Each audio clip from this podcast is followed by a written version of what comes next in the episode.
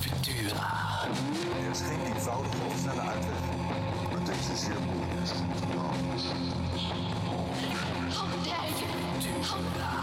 Our military has to be strengthened. De theaterbeleving is op deze manier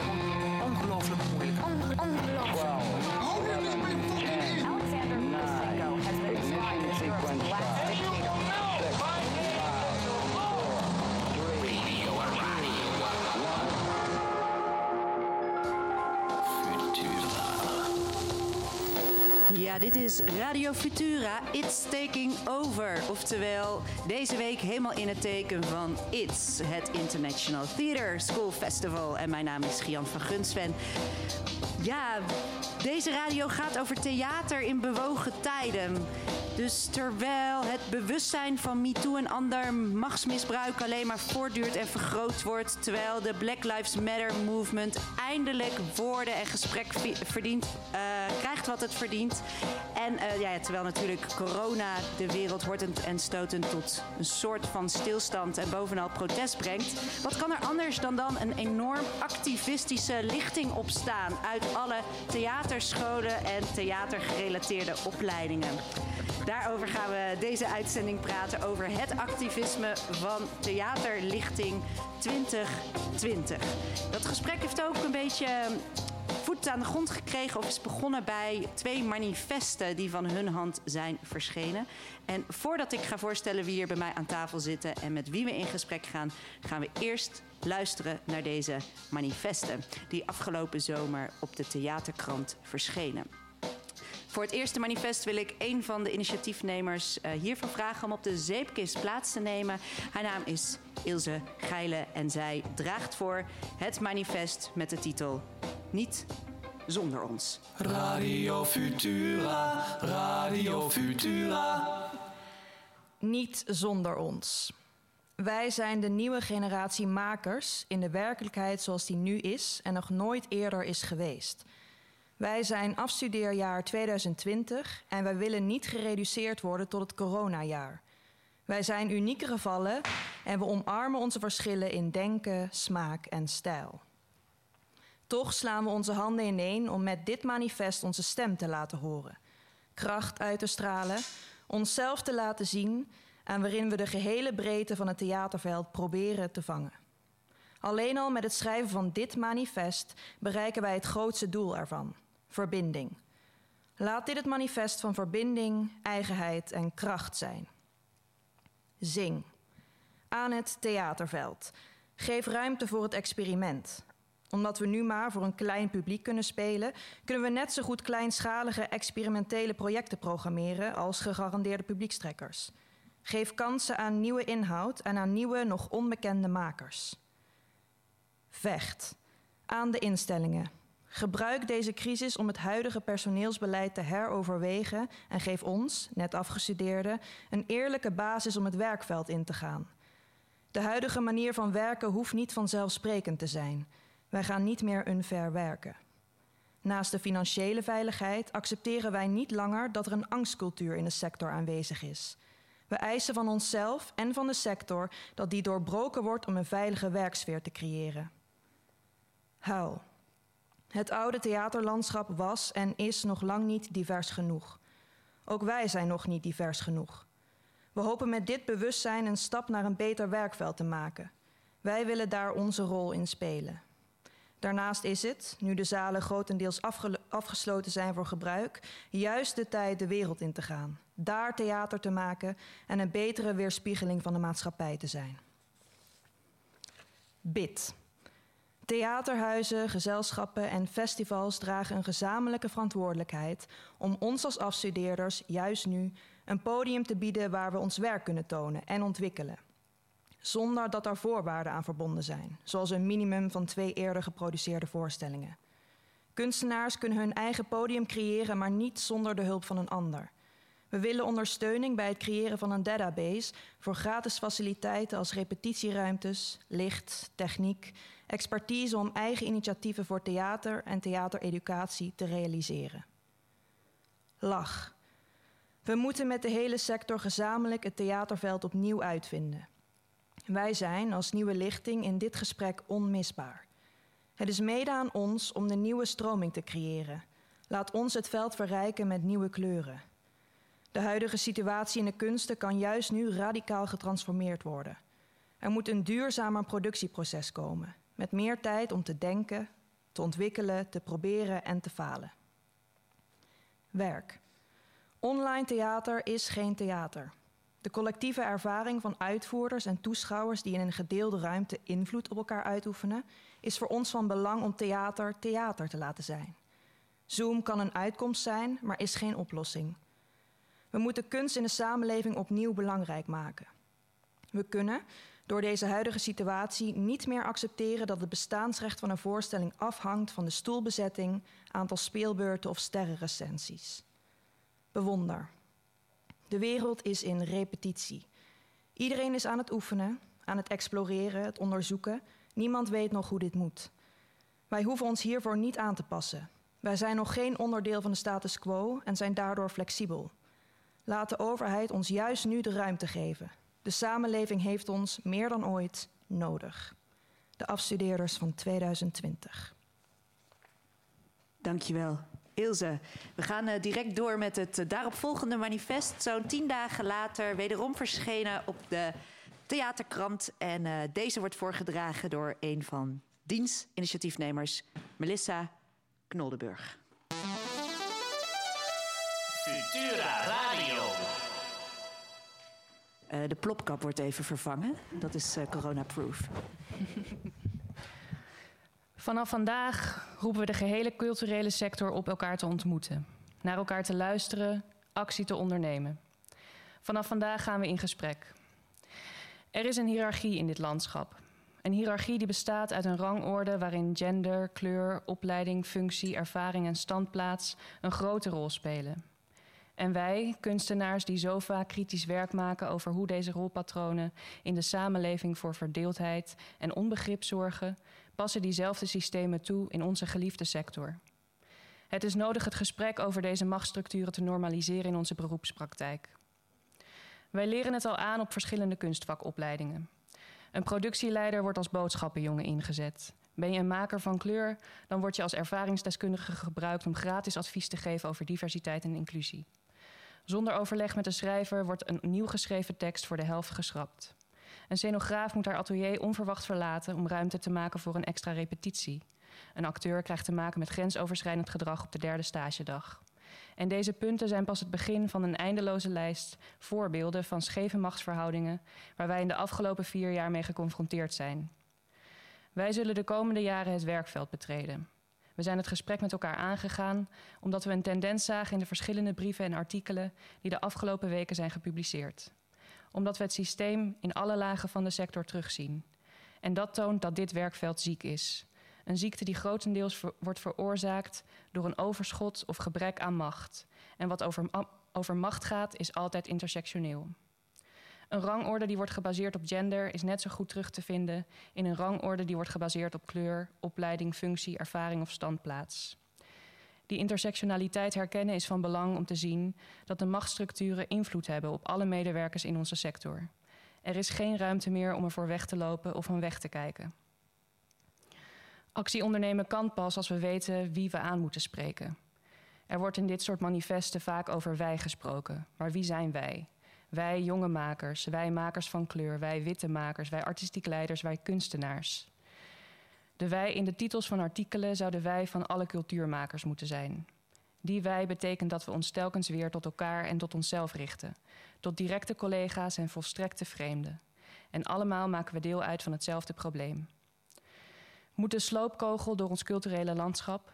Moeten we de veroordelende klassificaties en het uitsluiten van onszelf en elkaar met de grond gelijk maken? Als het antwoord op die vraag ja is, wat betekent dat dan concreet? Op het theaterfestival in 2009 sprak Tim Etchell de volgende woorden. De basisrelatie van een kind tot een speeltje is het volledig doorgronden, om de limieten ervan te testen, om in feite te vragen: hoe krijg ik dit kapot? Dit kunnen we op de kunst- en cultuursector betrekken. Dat betekent niet dat alles dat er is moet verdwijnen. Dat betekent wel dat we ons bouwwerk moeten bevragen op houdbaarheid, waar nodig durven af te breken en opnieuw kunnen opbouwen. We zullen moeten bekijken welke componenten kunnen blijven en welke veranderd moeten worden voor een sterk bouwsel. Daar is een intensief en langdurig onderzoek voor nodig, beginnend bij het fundament, bij de kunstenaars en door welke visies de kunst wordt bepaald, om vervolgens verder te kijken naar de rest van de toren, naar beleid, naar de toekomst. Die verandering is pas mogelijk als er in het gesprek over beleid professionals.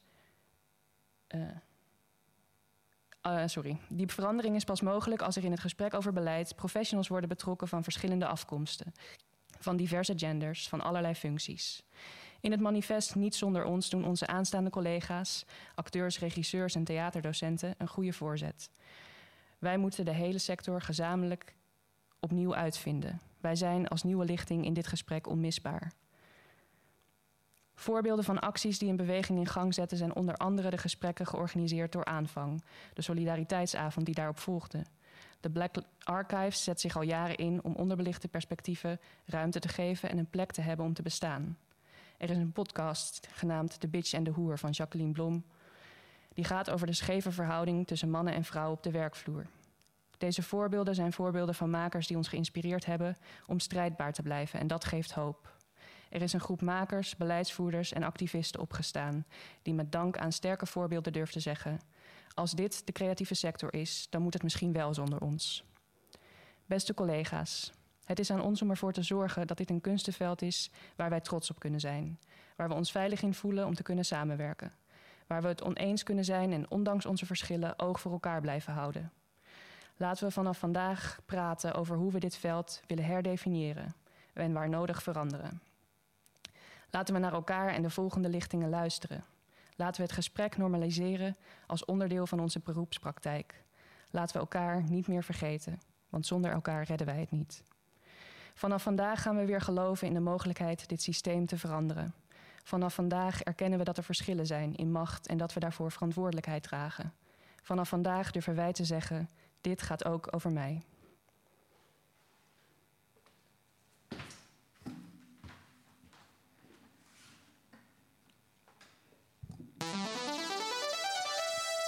Futura Radio.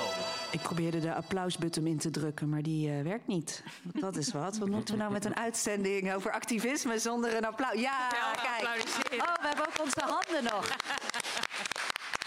Duidelijk een dramaturg hier aan tafel die zegt... Uh, nou, als je computer het niet doet... dan heb je altijd nog een menselijk lichaam waar je wat mee kan. Ja. Dankjewel, uh, Margriet Dijkema. Uh, zij zit hier onder andere bij mij aan tafel afgestudeerd of afstuderende? Afstuderende. Afstuderende, ja. zo gaat het bij de master dramaturgie. Daar doe je enorm lang over. Ja, moet je ook een enorm pittige scriptie voor schrijven... weet ik toevallig alles van. Maar ik snif trouwens en het voelt echt super gênant in tijden van corona... maar ik heb echt me toch een enorme allergieaanval vandaag. Ik wil jullie dat echt even verzekeren dat, dat, uh, dat het in veilige, uh, uh, veilige gronden is. Um, verder zit hier bij mij aan tafel dus Ilse Geile, de een van de initiatiefnemers van het eerste manifest wat net werd voorgedragen. Zij is afgestudeerd aan toneelschool Artes ja. um, als actrice. Ja, als actrice. Damaris de Jong van Toneel- en Kleinkunstacademie hier in Amsterdam. Ja. En Gavin Viano, regie. Ja, van de toneelacademie in Maastricht. En uh, in de zaal zitten nog veel meer uh, afstuderende en afgestudeerde makers. En hun wil ik uitnodigen dat, uh, om naar de rode knop te komen, te pas en te onpas. Wij horen dan de buzzer die het ook niet doet. Het is ongelooflijk. Um, even kijken of ik daar nog wat aan kan doen zometeen. Maar in ieder geval, wil jij me even uitproberen, Melissa, of de rode knop in de zaal het wel doet? Kijk, dat is het belangrijkste.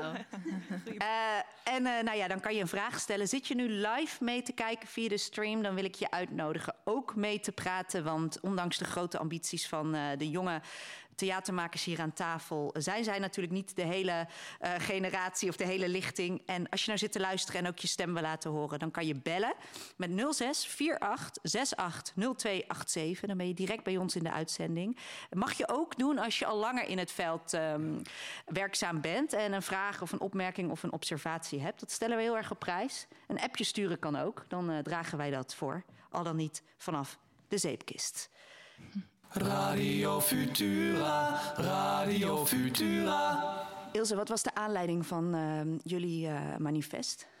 Nou, het was eigenlijk een, een gevoel dat uh, Brecht, Brecht van Deurs en ik hadden. Dat we dachten, ah, eh, we zitten hier nu thuis en, en we hebben een ontevredenheid over het veld en, en over hoe wij daarin staan. En toen hadden we gewoon een brief geschreven. Een eh, best wel emotionele brief ook. Van ja, we voelen ons slecht en uh, alles moet anders. En toen dachten we, nou, dit is, dit is wel iets. en toen hadden we dat ook naar docenten van onze school opgestuurd. Die zeiden, ja, dit, ja, je moet een brug slaan naar hè, het, het van jezelf af. Je moet het groter maken dan je eigen gevoel. Want wat was dat dan, die ontevredenheid van het veld? Ja, nou ook dat we dachten. Nou, we hadden ook vooral het gevoel dat hier het werkveld was en dat wij nog een soort van tien velden verder stonden. Dus we voelden heel erg een disconnectie daartussen. En daar voelden we ons niet prettig in. Dus we dachten, daar moet iets mee. We willen daar wel in. Maar toen werd ons ook gezegd, ja, maar je bent daarin. Weet je, ik bedoel, dat, je moet gewoon die illusie doorbreken en daar gewoon in gaan staan, want daar sta je. Uh, maar dat voelden wij heel erg niet. En eigenlijk toen die brief begon, toen begonnen we dat te voelen van... oh ja, wij maken deel uit van dit. Wij mogen onze stem laten horen en dat, dat maakt iets uit. Dat zegt iets. Maar je voelt, ja, ik voelde me dan persoonlijk toch minder. Omdat ik dacht, ja, ik ben nieuw, wat weet ik nou? Ja, ja, en uh, wat was dat dan voor een... Uh, hoe hebben jullie dat toen aangepakt? Zijn jullie met z'n tweeën toen dat manifest gaan schrijven? Nee, jullie hebben allemaal opleidingen benaderd. Precies, ja, daarna kwam toen we dachten... oké, we moeten dus uh, het groter maken dan onszelf. Zijn we gaan denken, oké, okay, ja, we moeten het groter maken. We gaan opleidingen zoeken, we gaan contactpersonen zoeken... en, en vanuit daar gaan we met, met z'n allen proberen iets te schrijven. Dus dan hadden we naar iedereen gezegd... kunnen jullie drie stellingen schrijven en naar ons terugsturen... en dan maken wij daar een geheel van. dat, of een poging om een geheel te maken. um, dus dat was eigenlijk hoe we het begonnen. En toen kregen we ook uh, uh, echt allemaal reacties terug. En toen, uh, toen begon het werk van oké, okay, nu gaan we dit maken en publiceren. En dat, daar zat nog wel gewoon een aantal weken tussen, zeg maar. Dus stapje bij stapje ging het verder. En um, de Maris en Kevin Viano, hebben jullie ook echt die vraag... herinneren jullie dat jullie die vraag kregen van... wij willen iets namens de lichting zeggen en... Ja, ik had, uh, Ilse had mij uh, geappt. En toen um, ben ik met die vraag eigenlijk naar mijn klas toe gegaan. En toen zijn we met z'n allen bij elkaar gaan zitten. En hebben we eigenlijk zelf een manifest geschreven. Niet maar drie stellingen, maar echt wel acht of zo. Met jouw klas? Met mijn ja. klas. En um, dat was wel heel erg interessant, omdat we allemaal best wel andere makers zijn. En andere acteurs. En um, ook voor andere dingen staan. En we kwamen wel op hele interessante dingen. En... Uh, het was echt een goed gesprek om te voeren. Noem eens wat, wat, je, wat, je, wat, wat nou, dingen uit het gesprek waren. dat was even... Oh jee, nee, ga nee, vier A4'tjes komen hier nee, nu op tafel. Nee. nee. Uh, Heel nou, beetje. één ding wat wel denk ik ook kenmerkend is voor onze klas... en ook voor collectief, waar ik onderdeel van ben... Um, is uh, dat we vinden dat theater best wel elitair is. En we eigenlijk graag willen dat er, dat er minder um, ja, een mening is over de kwaliteit van theater. En dat eigenlijk vooral op dat theater goed is als het geen amusement is. En dat het gewoon een hoog standje moet zijn. Terwijl wij ook vinden dat, dat er humor in moet zitten. En dat het vies mag zijn. En, uh, en uh, dat het amusement mag zijn en kitsch. En dat dat allemaal ook ironie, uh, ironievrije kitsch. Um, en dat het, dat het op die manier eigenlijk... dat we dat graag meer in het theater willen zien. En dat we het ook frappant vinden dat mensen het raar vinden dat het theater leeg is, terwijl ze dat niet toestaan. En dan heb je het over het theater in de vlakke vloer, toch? Dan heb je het niet over de Lamar wat er in nee, klopt. staat. Nee, in de maar dat, dat, dat is natuurlijk, daar wordt wel amusement gemaakt. Maar dat is dan weer soms zonder ziel. Dus het kan allemaal samen. Ja, ja. Ja, en we, en we zijn eigenlijk gewoon voor dat mensen minder dat zeg maar, de theaterbubbel minder bescheiden gaat zijn. En gewoon uh, gaat staan voor dat ze geld nodig hebben en, uh, hm. en dat dat belangrijk is. Ja. En daar stonden jullie, waren jullie een soort unaniem. Ja, daar waren we unaniem. Daar was al wel, ja, ja. ja, geld. Daar gaan we een soort van. Uh, en en uh, kan jij je herinneren dat die vraag naar jullie opleiding kwam? Nou, ik kan me heel goed herinneren op het moment dat ik het manifest op Theaterkrant voorbij zag komen.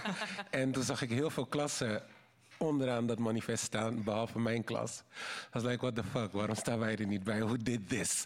Ja, ja. En toen via via kwam ik erachter wie dat dan hadden gedaan. En toen kwam ik er dus ook via via achter dat daar echt wel miscommunicatie in, in was gebleken of uh, uit was gekomen. En uh, ik heb toen een, een, een, een, leuk telefoongesprek gehad met, met Brecht. En hebben we toen over gespaard. En toen zei ze ook van, ja, het is zo gelopen en dat is natuurlijk niet de bedoeling. Ik zeg, ja, dat is zeker niet de bedoeling, want deze brief daar pleit je in, uh, voor inclusie. En nu in de werkelijkheid, de realiteit, in de buitenwereld... naar de andere academies toe en naar de andere klassen... Uh, pleit je daar dan niet voor, weet je. So if you want to write about it, be about it. Daar kwam het een beetje op neer, maar het gesprek was wel wat liever. uiteindelijk, uiteindelijk, ja. Nee, nee, nee, het was gewoon, was gewoon flexie. Maar ja, daar kwam het wel op neer. En nou, dus ik zo, oké, okay, jongens, kom op. Uh, toen heb ik dus ook meerdere klassen erbij gevoegd en de scenografen. Iedereen stond erachter. Want uh, we merkten allemaal dat dit over ons gaat. Het gaat over het werkveld, het gaat ook over de toekomst. Weet je? So like, ja, als je dan een platform krijgt om je mond te openen, uh, then use it. En, en toen was jij betrokken bij de totstandkoming van het tweede manifest. Is dat wat nou, je zegt? Het was meer het... Uh, het... ondertekenen van het tweede manifest. Uh, was eerste, oké, okay, eerste. Uh, dat de andere klassen die dus... die zijn later bijgeschreven. Want je kon je wel vinden, ook al hebben jullie toen niet mee mogen denken aan de standpunten, aan wat daar stond. Ja, ze kon me zeker ja. weten vinden in, in de inhoud van het manifest. En door mijn gesprek met Brecht denk ik dat er ook meer was aangewakkerd om alsnog nog even te bellen naar de academies die ze niet hebben weten te bereiken. En je kunt ze niet allemaal bereiken. En niet iedereen zal het ermee eens zijn. Maar um, nog wel ietsjes harder je best doen. En dat hebben ze ook gedaan. Dus, uh, en tegelijkertijd is er toen ook weer een nieuw gesprek geopend. Waardoor we naar onszelf gingen kijken. En uh, reflectief naar onszelf waren van... hé, hey, hoe inclusief zijn wij? Ja, want waren dit al vragen waar jullie wel mee bezig waren toen je het las? Of was het meer een soort van... Uh... Nee, dit was zeker niet iets nieuws. En ik ben er in mijn eigen werk ook altijd mee bezig... om op ieder vlak uh, in de sector, in wat ik doe in mijn artistry, op een inclusieve wijze te werken. Nou, Toneelacademie Maastricht, net als de andere kunstvakopleidingen in Nederland, predominantly white. Uh, waar, waarom ga je daar studeren? Wat brengt het jou? En dan krijg je dus les van docenten die lesgeven vanuit hun eigen perspectief. En dan krijg je dus een bepaald repertoire voorgeschoteld. En je werkt aan vakmanschap, maar tegelijkertijd ben je ook die Rotterdamse jongeman die vloeiend Duits spreekt en die nu opeens in, in de streets van Maastricht moet gaan opereren. Snap je? Dus uh, ja, ik ben er altijd wel mee bezig in mijn werk. Het moet, theater moet laagdrempelig zijn. Uh, het moet goedkoop zijn. En dat begint ook bij de verhalen die worden verteld. Dat begint ook bij de programmeurs. Uh, dat begint ook bij het aannemen van de programmeurs. Uh, hoe hoger de top, uh, hoe hoger je komt, hoe witter de top. Mm -hmm. En dat moeten we doorbreken. Dat. En jij, uh, Margriet, we gaan hier zo op door op. Een heleboel dingen die jullie beiden nu uh, gezegd uh, hebben. En inderdaad, voor een deel hebben jullie natuurlijk ook al... want ik benoem jullie nu even als de afstuderende of afgestudeerde... maar er is natuurlijk ook al een werkpraktijk gaande. Jij met collectiet en jij met voorstellingen die je al hebt gemaakt... en waar je als speler en danser ook al in... als performer, performer ja, ook mee in betrokken bent. Um, maar hoe heb jij op de... is jullie, was jouw klas betrokken bij de manifesten? Nee. Helemaal niet? Nee. Daar vind jij wat van? Nou, zie je? Ja, nee, natuurlijk vind ik daar wat van. Maar ik, um, ik denk dat je als je dan een uh, soort van het besluit maakt om dan dramaturg te worden, dan uh, raak je er snel gewend aan dat je uh, niet helemaal in het middenpunt staat. Um, en dat je er dus vaak ook langs beweegt. Dus ik vind het niet. Ik vond het niet opvallend of vreemd daarin. dat wij daar niet naar gevraagd zijn. Ik denk dat het jammer is. Um, maar ik denk ook dat wat, het, wat er vooral uitspreekt, denk ik, of wat ik er opvallend aan vond, is dat dramaturgen ook heel erg worden opgeleid um, als een soort individuen die zich zo losstaand van alles daar allemaal langs moeten bewegen. Dus er is ook niet echt een collectief bewustzijn. Binnen de opleiding. Binnen de opleiding en ja. binnen dramaturgen aan zich. En ik denk dat ik dat wel mis en dat ik dat ook mis in um, de theatersector sowieso een collectief bewustzijn. Namelijk dat wij allemaal dus dat die, die sector zijn en daar zorg voor dragen. En ook hoe die sector werkt. Dat dat een soort kind is wat je vast hebt en waar je voor moet zorgen. Um, en niet alleen door wat er gemaakt wordt, maar ook door hoe het gemaakt wordt um, en wie je daar allemaal bij betrekt. En ik creëerde de, het feit dat er dus ineens lichtinggenoten gingen staan voor een soort collectieve stem, creëerde dat mm -hmm. gevoel bij jou van: oh dat, wacht, ik ben met iets groters verbonden. Ik ben niet een soort eiland wat. Ja, gaat... dat wel. Ik denk ook dat er een aantal dingen in het manifest stonden waarvan ik, ik weet niet met de kennis van nu of ik het ondertekend zou hebben. zoals het nu geschreven is. Interessant. Er staan een aantal, nou ja, ik, dat, is, eh, dat hoort ook denk ik bij mijn, uh, uh, bij mijn tak van sport. Om extreem kritisch te zijn op alles wat er uh, gepresenteerd mm -hmm. wordt. Um, maar er staan een aantal dingen en misschien ook een soort toon. De, terwijl de behoefte wel is om verbinding te zoeken, bijvoorbeeld, heb ik soms um, het idee in die manifesten. Ik vraag me af of er echt verbinding wordt gezocht of dat de vraag eigenlijk gesteld wordt: wij zijn hier, neem ons mee. Uh, en daar zit denk ik een verschil in tussen die twee vragen. Um, uh, hoe zeg ik het nou goed? Nou, ik vind neem ons mee, vind ik nog wel verbindingzoekend klinken. Ja, dat is ook zo. Um, maar dat het, ik vond het uh, soms ook afstand creëren in. Uh, ik wil graag dat jullie dit doen voor ons. Het eisen. Wij, wij, ja. Het eisen, precies. En, daar, uh, en tegelijkertijd, aan de andere kant denk ik ook... het wordt wel tijd om wat dingen te eisen. Als sector en ook als lichting. Dus daar zit een soort dubbelheid bij mij. Ja, ja.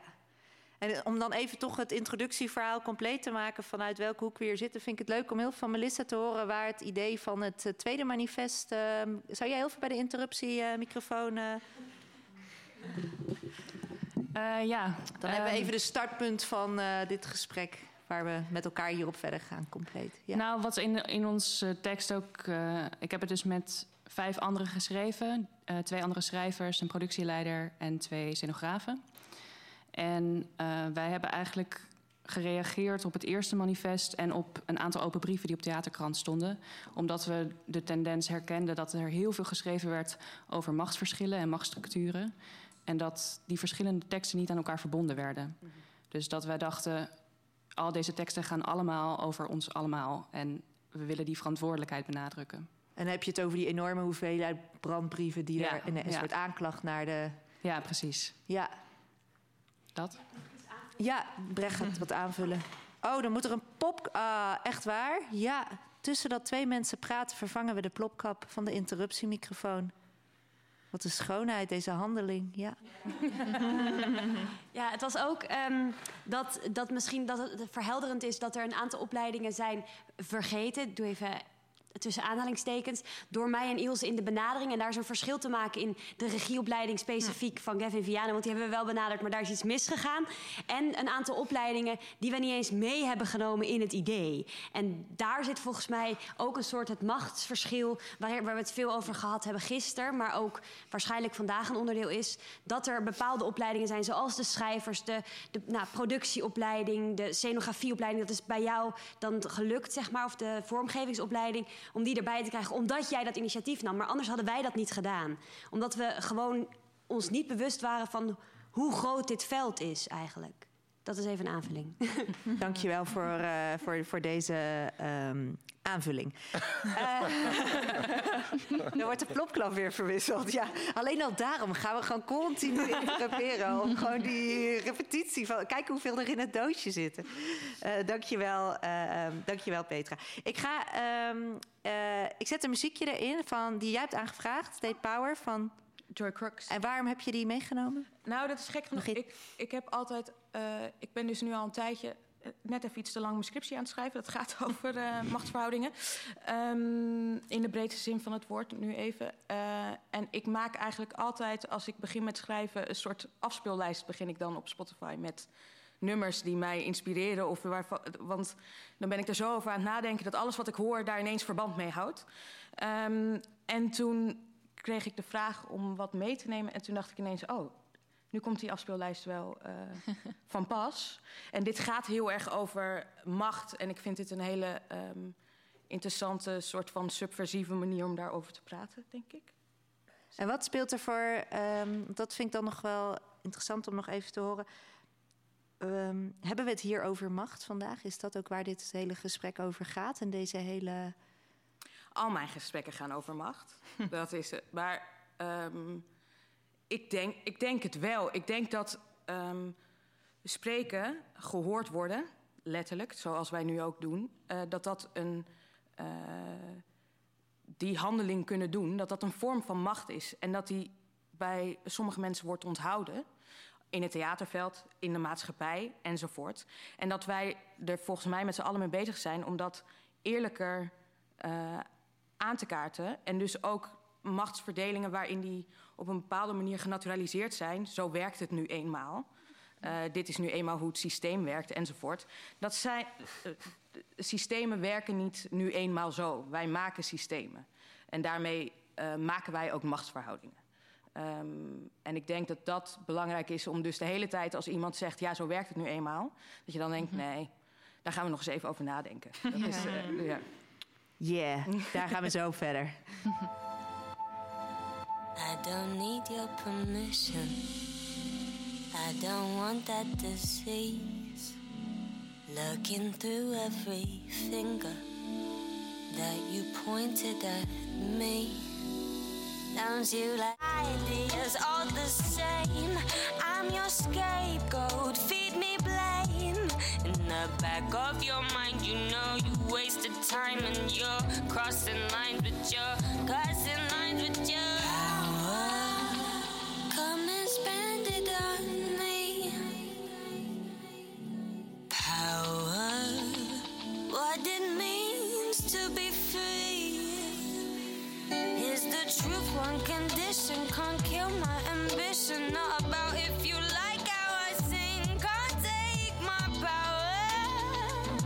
got nothing on me. On me, on me, on me, on me. On me, on me, on me, on me. On me, on me, on me, on me. Close your eyes so you can see me. Yellow polka dot bikini that they stole off her body that day. If you really want to free me, tell my mommy that she's pretty. Melanin is not your enemy.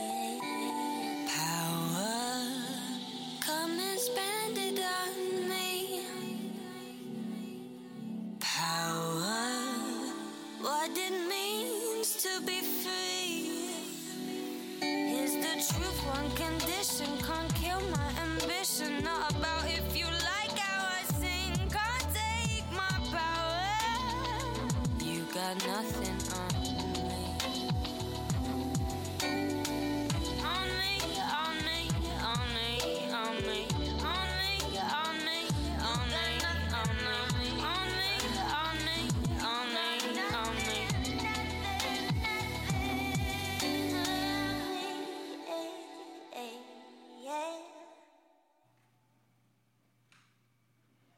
Radio Futura, Radio Futura.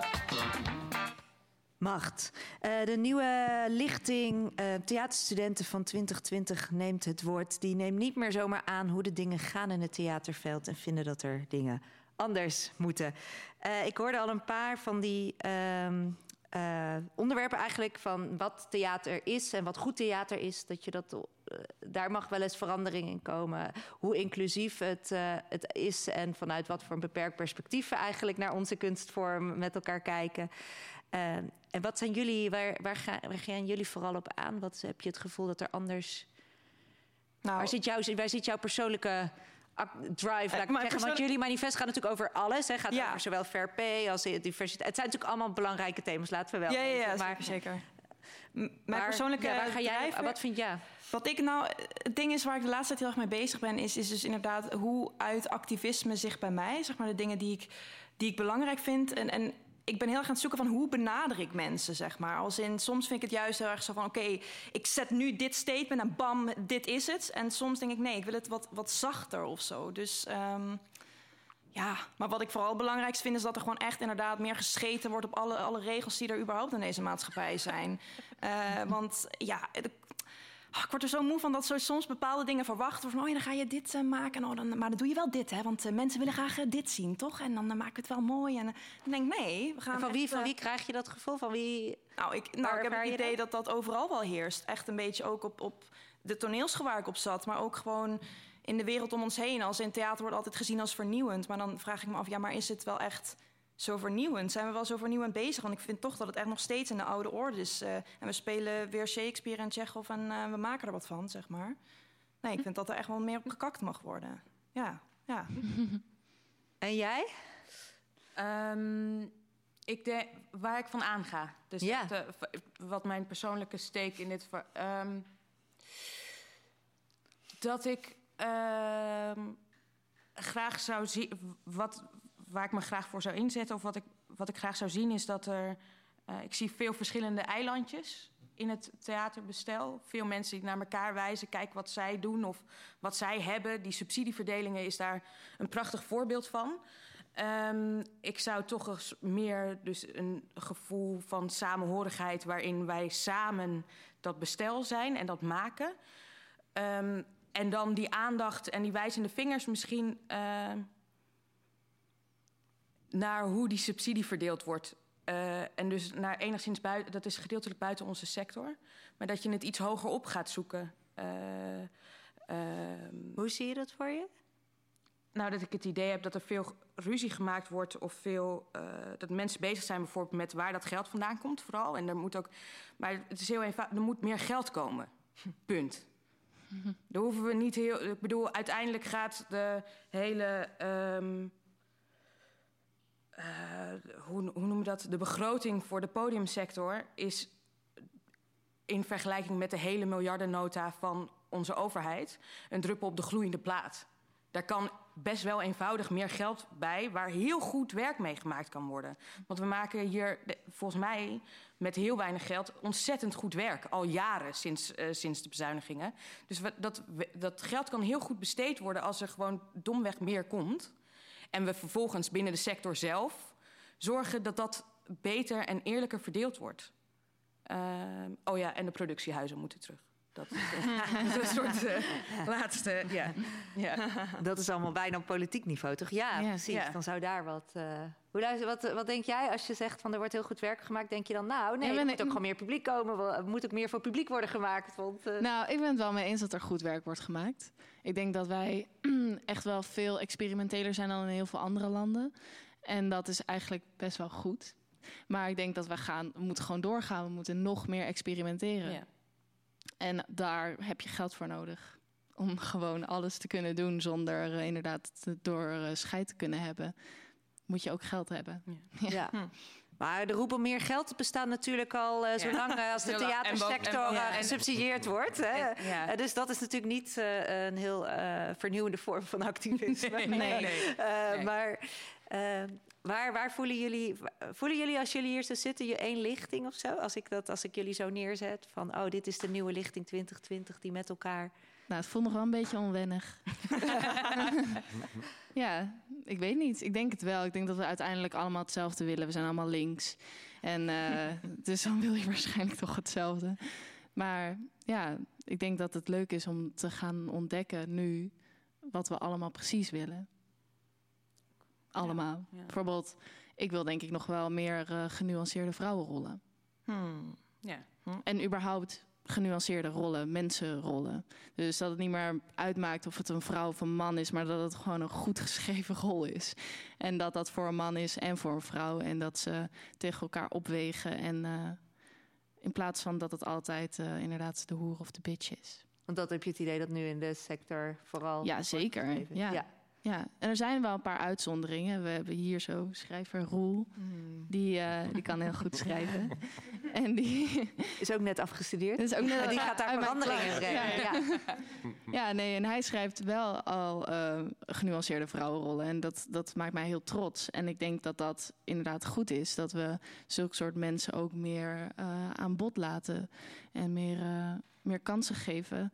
En überhaupt meer vrouwelijke schrijvers lijkt mij sowieso een heel goed idee. Um, en uh, ja, dat. En ga eens door op uh, wat er maar eens inzet om nog specifieker te maken. Om al deze uh, mm, idealen eigenlijk met elkaar mm -hmm. te delen. Nou, ik denk dat. De, je vroeg ook net, voel je je nu één lichting? Ja. En ik heb het idee dat ik me dus nu in de afgelopen vijf minuten meer één lichting ja. voel.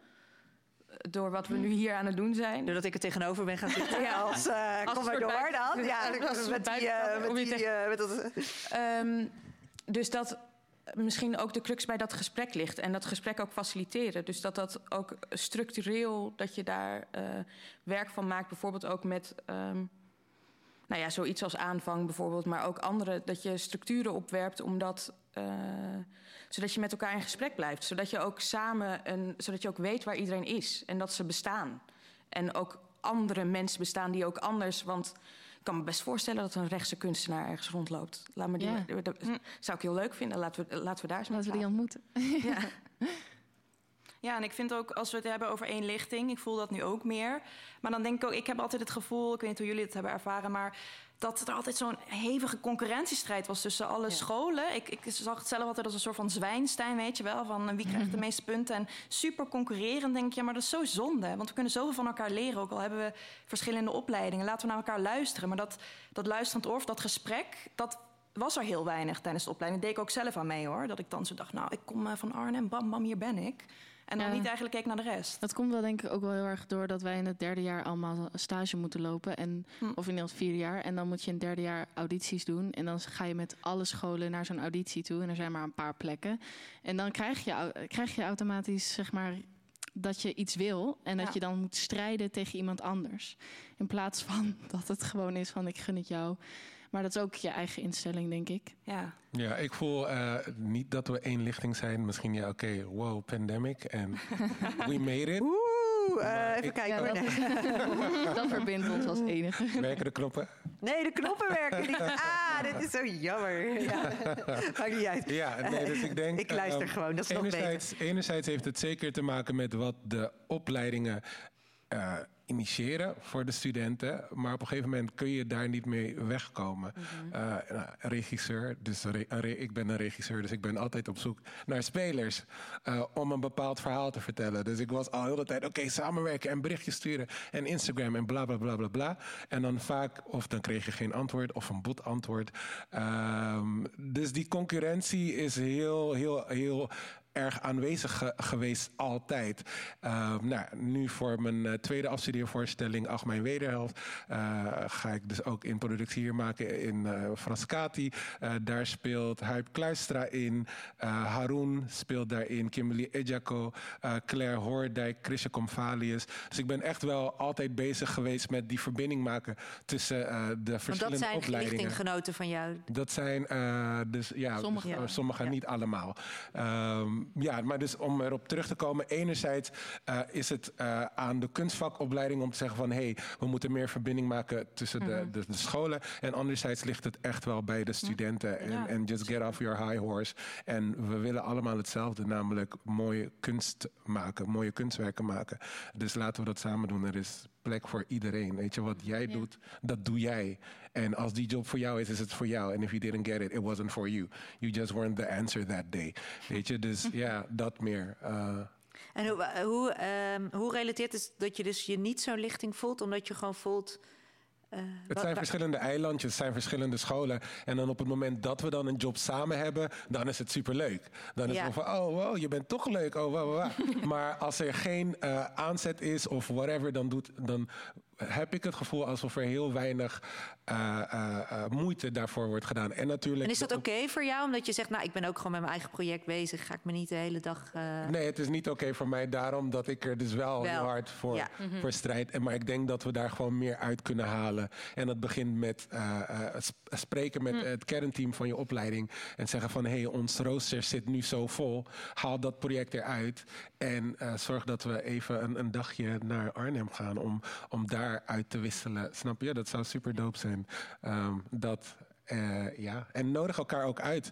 Eh, dus ik weet dat Amsterdam bijvoorbeeld een regieproject had. Volgens mij was het een Sarah Kane project. Nou, dus ik dacht, ik ga er naartoe. Eh, even kijken. Like, oh, wow, tof. Snap je? En ik ging weer naar huis, naar Maastricht. Diep in het zuiden. That's it. nou, weer dus. En we weten dat, we, dat alle opleidingen op die manier fungeren. De voorstellingen zijn gratis. Dus laten we naar elkaar. Maar goed, nogmaals, tijd, bla bla bla, stress. Maar voel jij je door jouw lichting, of ook als je dan nu hier zit, of wat je dan eh, door die manifesties zijn gekomen, of door wat voor reden dan ook, voel je je jouw idealen die jij dus al langer hebt, waarschijnlijk ehm, door een deel, ehm, omdat je je altijd inherent aan wie je bent, hebt hard gemaakt voor Black Lives Matter, of misschien op wat voor reden ook, voel je je verbonden of gedragen door je lichting? Zo van we zijn met elkaar, gaan we hier nu dit veld bestormen? Of denk je ook daarin van. Ja, nee, qua mindset voel ik me wel verbonden met de lichting. Maar echt het contact maken met elkaar, eh, daar kunnen we nog wel wat harder aan werken. En wat is dan die mindset? Die mindset is dus van, hey, shit is fucked up. En dat kunnen wij beter. Beter dan onze voorgangers of beter dan de avant-garde of beter dan de mensen die nu op die positie zitten waar wij ooit willen komen. Dat. En hoe, en hoe gaan jullie, die ga ik er toch blijf ik even lekker tegenover zitten, want dat helpt jullie om een lichting te voelen. Maar hoe gaan jullie eh, dat doen, laat ik maar zeggen? Want ik hoor nu al een paar keer van, oké, het inzicht van, oké, wacht, het werkveld, ehm, dat zijn wij. Ehm, hè, dus er is niet zoiets als een, een werkveld daar en jullie eh, die daar een soort van met afstand staan. Achter die opleiding kan je ook al niet meer verschuilen. Maar wat gaan... wat gaan jullie doen, behalve om geld roepen? Want dat blijven we waarschijnlijk nog generaties lang doen. Om, om deze idealen, die onvrede die er dus blijkbaar nu al is, in actie ja, of te veranderen echt. De barricade op. De ja, op wat voor manier? nou, ehm, ja, gewoon eh guerrilla-strijders eh, voorstellingen maken.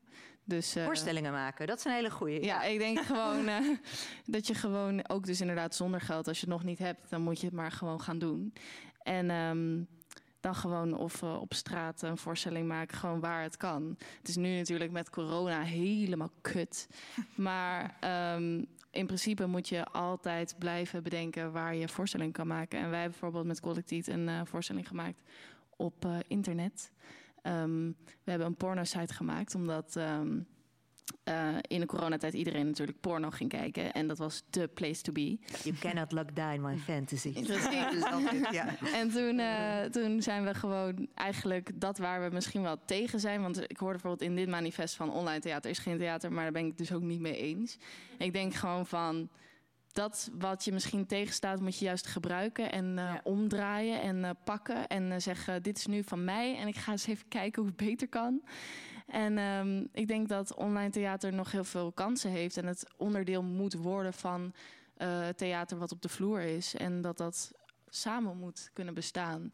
En ehm, ja, die porno-site was heel leuk geworden. En mensen gingen er veel naar kijken. En je bereikt eigenlijk meer mensen dan in het theater. Wat ook bizar is. Je krijgt opeens reacties van mensen die nooit naar je theater zouden gaan. Omdat ze gewoon geen zin hebben om in een stoel te zitten en uren te kijken. Maar ze hebben wel zin om even te klikken en iets te bekijken en dan gehoekt raken en dan verder willen kijken. En ik denk dat die mensen misschien zelfs nog wel daarna zouden denken: Nou, het lijkt me best leuk om ooit nog eens in theater te kijken naar deze mensen of naar iemand anders. Dus ehm, ja, ik weet even niet meer waar ik begon, maar. De verandering, toch? Op welke manier jij Ja. verandert. En jij gaf het antwoord, eh, nou, door voorstellingen te Ja, maken. wat op zich een eh, prachtig antwoord is voor een theatermaker. Ja. Wat, we- Ja. en jij? Ja, ik ben altijd bezig met de publiek samenstelling. Dus inderdaad, dan heb je een voorstelling gemaakt, maar dan komen er allemaal theaterbobo's. Precies. Nice. Nou.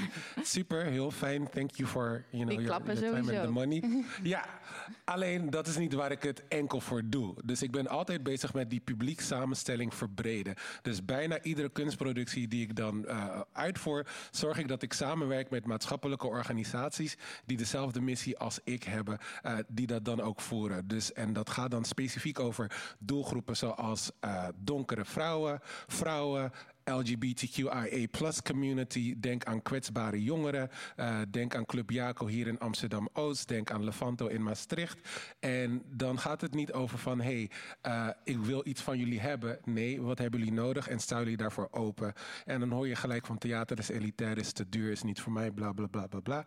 Gaan we met elkaar in gesprek. Dat heeft tijd nodig. Gaan ze ook mee naar het theater en vervolgens sparren we over wat we in het theater hebben gezien. Dus ik wil niet enkel spelen voor, voor theaterbobels of voor witte mensen of voor mensen die dat uh, kunnen permitteren of die die taal al spreken. Ik wil mensen kunnen uitnodigen die uh, voor het eerst in, in dat theater stappen, in die ruimte, uh, in, in, in, in, in die elitaire ruimte. Um, wij maken het elitair of we maken het niet elitair. Ja. Dus het gaat echt wel verder voor mij dan, dan één, een eenduidig antwoord. Het gaat echt erover dat we ook laten zien in ons gedrag, in de acties die we voeren, dat theater echt voor een ieder is. Dat dus, uh, ja.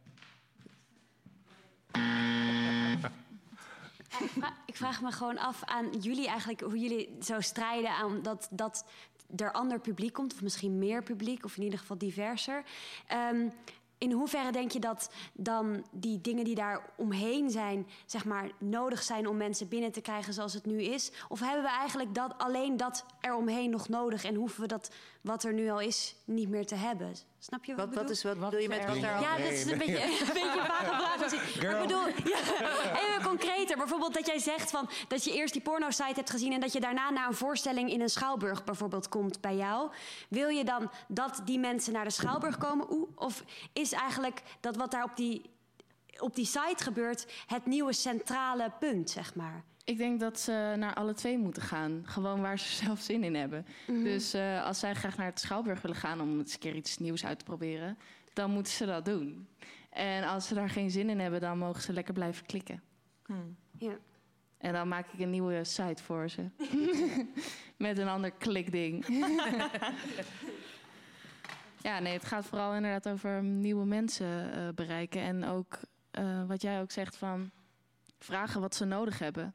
En dat is soms inderdaad toegankelijk gewoon theater. Met een goed verhaal wat goed te begrijpen is. En ja, waar je zin in hebt. En dat begint dus ook bij wat je maakt. Dus inderdaad, oké, okay, het is leuk, weet je, weer een Tsjechov of weer een Shakespeare. Ja. Uh, maar wat voor repertoire is er daarbuiten?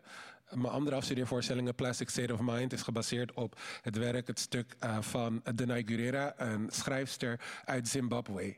Um, dat zijn de verhalen die ik weet waar mijn community warm van wordt. Dat zijn de verhalen waar mijn moeder graag naartoe zou gaan. Uh, mijn moeder is totaal niet van de kunst. Ik ben ook niet opgegroeid met theater. Maar dat is nu wel wat ik doe. Dus als ik dat maak, wil ik ook dat mijn moeder, zowel als die theaterbobo, zowel als de jongeren van de uh, maatschappelijke organisaties mee zijn met het kunst dat ik aan het produceren ben. Ja, ja wij, hebben, wij hebben dat ook met... Uh, met uh, we zijn naar Tessel gegaan en toen hebben we ook mensen geïnterviewd... die uh, over feminisme. En dat waren allemaal gewoon winkelmedewerksters. En toen hebben we die teksten helemaal... We hebben ze opgenomen en toen right. die teksten helemaal uitgeschreven... en daar personages van gemaakt. Ja. En onze moeders inderdaad dachten... hey, deze vrouw snap ik. Ja. Ik snap niet een nieuwe feminist. Maar ik snap wel de oude feminist. En door hun zeg maar te laten horen en onszelf werd er een verbinding gemaakt. Juist. En dat is gewoon, Juist. denk ik, uiteindelijk wat we nodig hebben: verbinding met de maatschappij ook. Zodat mensen ook zin hebben om ons geld te geven en zo. Uh, ja, want we begonnen met een aanklacht uh, naar de sector. En voel je dan ook op het moment dat jij vanuit jouw makerschap en hoe je daarmee omgaat en hoe je met je publiek omgaat, op het moment dat je dat anders wil doen, loop jij dan tegen drempels op in de sector? Of is er ineens juist veel meer mogelijk dan dat we denken? Voor mij op dit moment, vanuit mijn perspectief als black cis male, is er inderdaad veel mogelijk. Maar dan gaat het erover, uh, waarom krijg ik de ruimte voor die mogelijkheid? Wat is de intentie erachter? En gaat het daadwerkelijk over change instigaten of word ik gebruikt voor een andere agenda, voor bepaalde propaganda. Dus, ja. En ik denk dat het niet alleen voor mij is, maar uh, je kan het zo vervangen, weet ik veel, uh, uh, vrouw of Ja. whatever, queer person. Um, dus op dit moment is er inderdaad veel mogelijk voor mij. Waar ik vooral naar op zoek ben, is projecten die zowel het artistieke als het maatschappelijke verbinden. Da- dat, daar word ik warm van. En daar zeg ik van, daar moet subsidie naartoe gaan, naar dat soort gezelschappen. Um, En naar die mogelijke misbruik eigenlijk van het andere perspectief. Dat is iets waar je nog tegen ageert. Of waar je... Juist. En is dat een, doe je dat door gewoon door te gaan met wat je doet... en zorgen dat dat normaliseert? Of voel je dat je op een andere manier daarvoor nog op een barricade moet of een manifest moet schrijven, voor mijn part. In gesprek gaan. In In gesprek. gesprek, gaan, eh, wat wij nu hier doen. Eh, dat vind ik heel erg belangrijk. Ja. Ik denk ook dat je daar, zeg maar, het is, het is weird dat je misschien wordt gebruikt inderdaad voor een, eh, voor een aanvraag dat ze meer subsidie krijgen omdat er dan iemand bij zit die wat diverser is enzovoorts. Maar je moet ook opportunistisch zijn en denken, dit is mijn kans, ik ga, ga hier nu gewoon heel veel voorstellingen maken over iets wat ik heel belangrijk vind. Zodat op een gegeven moment niet meer, eh, zeg maar, niet meer een vrouw per se iets hoeft te maken over feminisme, maar gewoon iets gaat maken waar ze zin in heeft en dat dat normaal is. Maar ik hoor je nu al twee keer dingen zeggen, wat ik heel interessant vind. Ehm, ben ook wel benieuwd dan naar jullie reacties ervoor. Ehm, die eh, ingaan eigenlijk tegen andere eisen die in het manifesten worden gesteld. Namelijk, ene keer, eh, ik ga gewoon maken wat ik moet doen als het urgent is, ook al krijg ik er niet voor betaald. Ja. Hè, er, er staat natuurlijk in een van beide manifesten de eis om eh, dat niet meer te laten gebeuren. En het tweede eh, is opportunistisch zijn en daar maar voor inzetten wat je moet doen. En eh, ja, dus toch even lekker die artistiek leider van dat theater zoenen. Om, eh, omdat je dan wel Nee. weet dat je die mooie productie kan maken. Don't Eh, do it. dus, eh, Don't do it. Do not do it. Do Nee, not nee, do maar it. ik bedoel meer te zeggen van. eh, ehm, eh, zijn, dat, zijn dat nog. ehm, dat, dat, zijn, dat zijn tegelijkertijd. En dat. Misschien vind ik het ook interessant om dit aan te kaarten over hoe complex die praktijk eigenlijk is. Ja. Dat zijn natuurlijk tegelijkertijd ook dingen die je wilt doen als je zo duidelijk tegelijkertijd gewoon iets over de wereld wil zeggen. als een soort Trojaans paard. Om, eh, om, om er dan toch daar te staan en iets te kunnen zeggen. Nou, dat heeft tot nog toe niet gewerkt. Ik bedoel, ik bedoel dat, ik, dat is een tactiek die wel, weet je wel, het idee van: oké, weet je wat, dan ehm, laat ik toch eh, inderdaad eh, mijn ehm, idealen even varen, zodat ik dan daar kan staan en wat kan zeggen. Of inderdaad. Of zijn dat Nee, want- niet zo van die idealen? Ik heb mijn hele carrière te danken aan niet vergepeet worden in mijn eerste paar jaar. Ja, maar ja... Hoe zeg ik je snap dat? wel wat je bedoelt. We hebben het natuurlijk Ja. ook, eh, bijvoorbeeld ACT, hè, acteursbelangen. En eh, daar hadden wij een keer een gesprek mee op school. En die zeiden dat bijvoorbeeld in Amerika ehm, het goed geregeld is in de zin van er is een productie en er is heel weinig geld. Maar als de figurant niet goed betaald krijg- krijgt, komt de hoofdrolspeler ook niet. En dat mist hier gewoon. Je mist gewoon dat we met z'n allen. Kijk, als jij niet doet voor 50 euro, dan komt iemand anders het doen voor Juist. 50 euro. Ja, en dat- dat, ja. is problematisch. Juist. Dus eigenlijk moeten we met z'n allen front maken en zeggen: we doen dat niet meer. Juist. We doen dat gewoon niet meer. Alleen dat is hier nu nog niet. nee, want je hebt dus enerzijds dat, en ik hoor je en we zijn het daarmee eens. En anderzijds hebben jullie eh, ook je idealen over wat je de wereld wil vertellen en hoe je met je publiek wil communiceren. En die twee eh, verschillende dingen zijn best wel. Die kunnen elkaar bijten op, Ja. op bepaalde punten. Dat is zeker waar. Maar er is natuurlijk ook iets over dat bijvoorbeeld eh not fair pay. Daar zit iets moeilijks met een geprivilegeerde positie. Waarin sommige mensen in staat zijn om er inderdaad voor te kiezen... oké, prima, dan doe ik deze stage voor 0 euro. Eh, dat is prima. En dan, dan uiteindelijk dan kom ik toch wel ergens en weet ik veel wat... omdat ik de financiële middelen heb of de positie om dat langer uit te zingen. Waarbij je dus al heel veel mensen uitschakelt... die die, die, die mogelijkheid niet hebben om dat op diezelfde manier aan te gaan... En daar zit dus denk ik dan toch een soort eh, gemeenschappelijke eh, verantwoordelijkheid of een empathisch gevoel daarin, waarin je zegt, ja, dat kan voor mij wel zo werken, maar ik ben niet, ik ben niet alleen maar een individu. Wij, wat ik doe heeft weerslag op andere mensen en ik moet ook zorg dragen voor anderen. Dus dat ik nu deze Maar jullie taak- ja. voelen een verantwoordelijkheid voor de sector om te, eh, oh, dat je gezamenlijk gaat zeggen: we gaan dit niet meer. Ja. Zeker weten. En Ja. ik hanteer ook altijd drie punten voor mezelf als ik een aanvraag krijg of een job. Het moet me voeden, het moet me uitdagen en het moet me betalen. En als een van die dingen ontbreken, dan moet ik bij mezelf nagaan van wil ik dit, ja of nee en waarom. Precies, maar Ja. voor mij, want wij noemen, ik noem het dan de drie P's. Dat is ook weer van een of andere. Hè? Dus prestige, poen en plezier. ja, ja, ja. Nou, bijna alles wat ik in mijn beginjaren in de culturele sector deed, was toen nog prestige en plezier. Ja. Dus, je doet, dus, je, dus die eh, verantwoordelijkheid voor de hele sector en het VRP komt even een tandje lager. Ja. Ja. Ja, maar ik, ik, nou, misschien ga ik nu een rare vergelijking maken. Maar ik- voor mij voelt het ongeveer hetzelfde als dat mensen zeggen: ja, maar ik koop dat vlees in de supermarkt, want het ligt er toch al. maar dat is natuurlijk, dat klopt helemaal niet. Want dan draag je er weer aan bij dat het dus zo kan blijven. Want ja, het, het kan gewoon doorgaan. Dus ik denk dat we daar echt wel strenger moeten zijn, hoe moeilijk het ook is. Hè? Want je, je hebt dan en je denkt: oh, en die, die prestige en dat plezier. Maar nee, het moet toch echt, die VRP is super belangrijk. Maar- Kijk, hoe luister jij daarnaar? Ik denk van, eh, ehm, ik denk niet eens dat het, het gaat over dat je überhaupt nog geen kans hebt. Dus dat je niet een laag betaalde job krijgt, maar dat je gewoon eh, sowieso iets gaat maken, ook al heb je geen geld. Snap je? Het gaat over. Dat is een eh, andere dat is een opmerking. andere opmerking. Het gaat over activisme. Dus dat je, ondanks dat je nog helemaal geen enkele aandacht hebt van het hele werkveld, gewoon iets gaat maken. En dat je dat dus inderdaad gratis doet of met je eigen geld, ja, dat, dat lijkt mij ook een vorm van activisme. Hm. Ja, dat dan krijg je dus- er nog niet voor dus betaald, een- maar dan dat is het niet een een job die je wordt aangeboden. Dat Nee. is iets wat je zelf maakt vanaf uh, fr- from scratch one. Ja, en ook Daar waar- verschil wat in. ik ook net zei over dat bijvoorbeeld, nou, de eh, Frascati die had ook eh, volgens mij eh, eerst eh, dat zij eh, niet, eh, niet divers genoeg waren. En dat ze dan bijvoorbeeld nu allemaal mensen gaan aannemen of mensen laten te maken die dan divers zijn. En dat je dan dus misschien die kans krijgt. Dan denk ik van, dat is dus eigenlijk een positieve verandering dat ze dat doen. Ik bedoel, ze zijn op hun vingers gewezen, dat moet veranderen. Dat is dus eerst een beetje een mechanische verandering. Maar dan denk ik van, jij denkt van, wordt er nou misbruik van mij gemaakt? Of ga, maar ik denk wel van, ga het gewoon doen. Dat is fucking in het, vet. in het geval van Frascati is het wel echt een, eh, een wat eh, Ja. gedetailleerder verhaal. Frascati. Zou ik ook zeggen als je je afstudeervoorzitter Nee, nee, nee, Als maar ik bedoel... Ik denk dat ik er een eh, nummer in zet. Zo. eh, nee, nee, sowieso, sowieso volgt Frascati mij al drie jaar. Ze hebben mijn eerste werk in mijn tweede jaar gezien.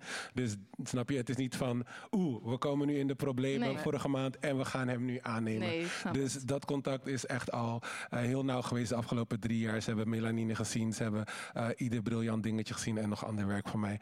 Ehm, waar het, wat ik wel eh, nog wil, wil toevoegen is...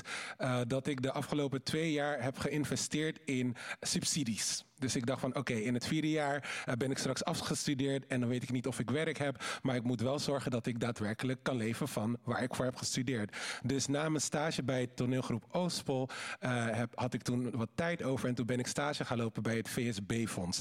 Daar had ik eh, scholarships voor gekregen in 2014 om een jaartje in New York City te studeren. Dus ik had daar al ingangetjes. Ik heb een mailtje gestuurd. Ik zeg, ik weet niet wat ik bij jullie kan doen, maar ik zou heel graag bij jullie aan de slag willen. Omdat ik meer wil weten over de fondsenwereld. Nou, eh, dat ging goed. Dat was een stage. Ik heb daar onderzoek gedaan. En na die stage hebben ze me aangenomen als ZZP'er. Diezelfde knowledge die ik daar heb eh, weten op te doen, pas ik nu toe in mijn artistry. Alle subsidieaanvragen zijn niet ge- eh, aangevraagd door welk productiehuis dan ook. Heb ik allemaal gekregen vanuit die eigen training. En dat is ook een beetje waar ik voor pleit. Voor, voor onze eh, lichting, voor onze generatie. Eh, doe de research, doe de voorbereiding. Zodat je daadwerkelijk kunt leven van jouw artistry. En dan hoef je dus niet meer eh, eh, te, te huilen over eh, de low pay, eh, eh, low budget, bla bla bla projecten. Maar dan ben je dus daadwerkelijk bezig met zelfredzaam worden in deze sector. Want er is ook geld voor die nieuwe lichting. Ja, daar ben ik het ook mee eens. Je moet gewoon jezelf eh, dingen aanleren, inderdaad. Ehm, ik wilde even. eh, ik hoorde van, van, van werk aannemen eh, waar weinig of slecht voor betaald wordt. En dat, dat, eh, dat jullie het over spraken alsof dat een soort ehm, luxe probleem is om dat te kunnen doen. Of dat een soort privilege is om dat werk te kunnen aannemen. Maar ik zou ook zeggen dat het andersom is. Want in de realiteit die ik om me heen zie. Ik ben heel gelukkig dat ik werk heb en dat ik de luxe heb. Maar het grootste gedeelte van mijn klas is afgestudeerd en werkt nu zes maanden bij de Pathé of bij de Bagels and Beans. En als je dan iets aangeboden krijgt, wat het ook is, hoeveel je er ook voor betaald krijgt, dan vind ik niet dat het de schuld van die persoon is dat daar te weinig voor aangeboden wordt als hij dat werk aanneemt. Ik vind dat een onrealistische, oneerlijke verwachting om te trekken van die persoon in kwestie. Ik denk niet dat die verantwoordelijkheid bij hun ligt. Wie ben jij en waar ben je afgestudeerd? Hi, ik ben Roel. Hallo, Hoe was ik ben in mijn Roel. klas? Ja, eh, ik ben afgestudeerd bij de ATKA ook, de toneelschool. Ehm, ik begrijp wel waar je vandaan komt. Ik denk dat je ook een punt hebt. Ehm, maar ehm, dat komt dus. Het is ook het omdraaien van die twee dingen. Namelijk dat de zes maanden bij de paté werken ervoor zorgt dat zij in staat zijn om dan die low-pay job aan te nemen. En dat is dan. Mhm. En ik denk dat we het inderdaad. ehm, we hebben het misschien een beetje te persoonlijk gemaakt in hoe we het er net over hadden. Nou ik, ben, nou, ik was er net over na aan het denken. Ik denk ook, tuurlijk, je hebt helemaal gelijk. Maar het, dat ligt ook helemaal niet bij die persoon. Want ik zit hier wel te praten. Dus van, nou, ik trek een lijn. Ik heb dat nog... Vorige week heb ik nog iets aangenomen... waar ik helemaal niks voor betaald krijg. Maar je zou willen dat het Ik zou- anders ja, is. en het hele werkveld wat nu zit te luisteren, die denkt... Haha, deze lichting, die kunnen we weer lekker voor niks Ja, gewoon alles laten doen. Ja. het is gewoon een structureel eh, probleem. En dat ligt helemaal niet bij ons. Dat ligt gewoon boven. En hoe het, hoe het, hoe het hier in elkaar zit in Nederland. Mijn wens is gewoon dat het snel anders wordt. Eh, de realiteit is ja, nog eh, niet zo. Dus dat is meer, het is meer dus gewoon een, een, iets wat ik heel erg hoop. Maar ja, tegelijkertijd is het werkveld ook best wel gewoon giftig. En dan denk je, oh ja, hier is een kans. Ik pak hem inderdaad. En ik krijg eh, 0 euro. Dan ga ik nog maar lang bij Pathé. Maar als je met z'n allen denk jij dan van... oh ja, stel, jullie zouden echt als lichting zeggen... we gaan het gewoon niet doen. Ja, dat gaan is- gewoon de he- Ja. iedereen uurtje factuurtje sturen. Gewoon de, met z'n allen. Dat, is ook waar ik voor pleit. Dus het is niet zozeer dat het de schuld is van degene die het aanneemt. Maar het gaat over eh, dat ik wens dat we samen verantwoordelijkheid nemen met elkaar. Op het moment dat eh, er zo'n job wordt aangeboden. Dat er ook transparant met elkaar wordt gecommuniceerd van hé, hey, dit heb ik aangeboden gekregen en wat moet ik hier nu mee? En als er dan een mogelijkheid is om als front eh, dat dus ook te weigeren, dan sta je dan ook veel sterker en dan trek je het veel breder. Maar dat dan front bestaat alleen- natuurlijk niet. Dat Nee, is maar alleen daar als heb ik- jullie daar allemaal individueel voor. nee gaan zeggen. Maar Ja. iedereen gaat uiteindelijk toch... Dat, maar we zouden een soort Ik van groepsapp moeten hebben. En als ze van eh bla bla bla... Nou, ja, maar wat- plus- maar- maar Ik wat- doe het niet. Maar wat ik, hier, wat Nee. ik hier wel interessant aan vind, is dat we hier dus allemaal aan tafel zitten om het te hebben over een nieuwe lichting, over activisme, over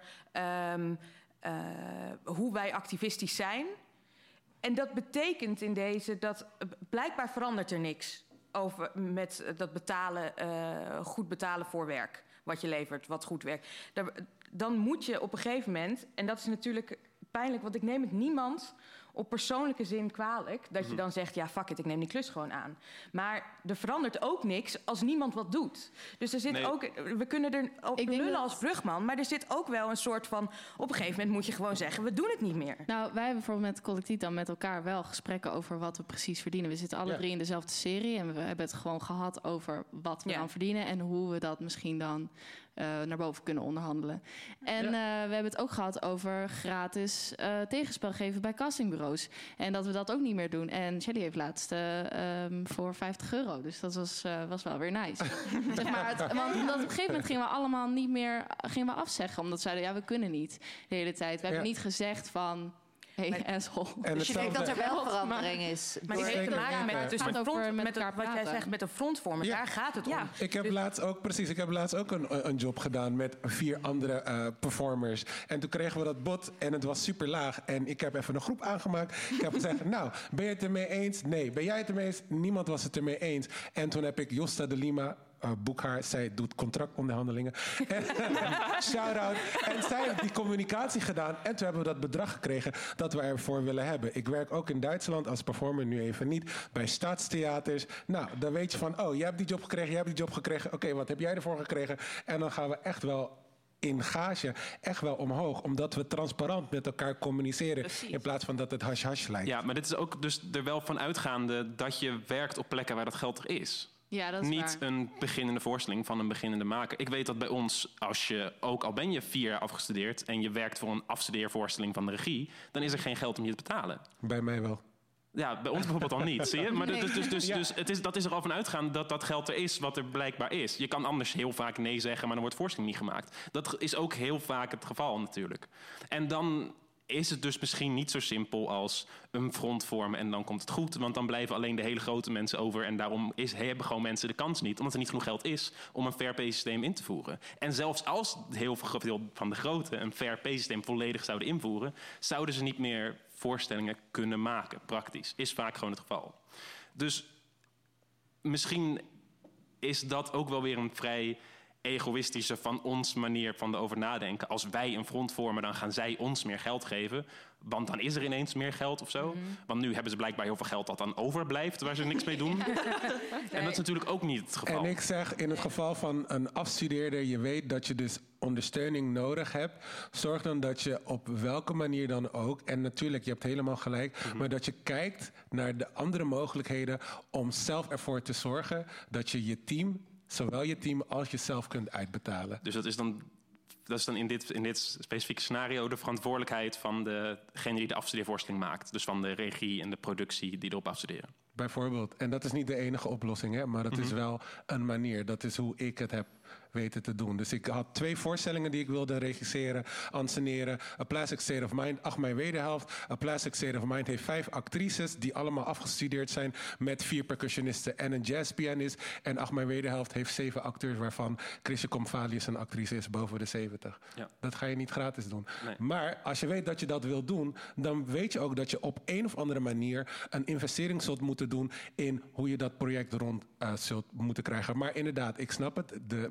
de schuld ligt niet bij degene die eh, die job aanneemt. Maar uiteindelijk, als je het hebt over duurzame ontwikkeling, groei, niet alleen voor die persoon zelf, maar voor de sector. Zou dat eh, Imaginary Front heel eh, goed zijn? Yes, en ik praat hier met het Imaginary Front. En ik dacht net bijna dat ik een eerste ideaal zag sneuvelen, maar gelukkig niet. Eh, ik ga luisteren naar, we gaan even luisteren naar een ander fragment wat jullie hebben aangedragen. Lutalika? Ja. Wat is dat? Ja, nou, ehm, ik weet niet of jullie dat kennen, de Dictionary of ehm, Obscure Sorrows. Ehm, eh, vrij vertaald eh, duistere gevoelens. Maar het is eigenlijk een, een woordenboek voor gevoelens die mensen hebben, maar die eigenlijk niet bestaan. Daar is geen woord voor. En toen we vroegen van hoe, waar, eh, wat is je ideaal, neem dat hier mee naartoe. Toen dacht ik, het gaat heel erg over hoe ik het, de wereld zie en kaders zie en hoe ik daar buiten probeer te treden.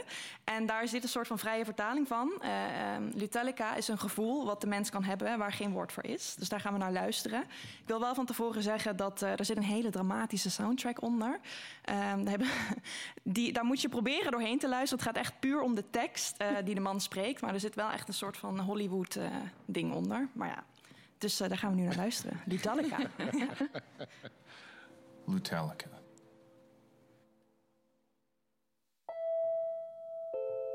You tell the world who you are in a million different ways. Some are subtle, some are not. But it doesn't seem to matter. This world has already got you pegged. When you were born, they put you in a little box and slapped a label on it so they could keep things organized and not have to think about what's inside. Over time, you learn to make yourself comfortable, packaging your identity in different combinations until you feel like you belong and can wear your labels proudly. But there's a part of you that never found a home, rattling around in categories that never really did you justice. You look around at other people, trying to judge how loosely they fit in their own lives, sensing a knot of confusion hidden beneath a name tag.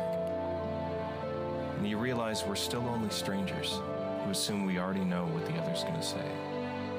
As if the only thing left to talk about is who belongs in what category and which labels are offensive.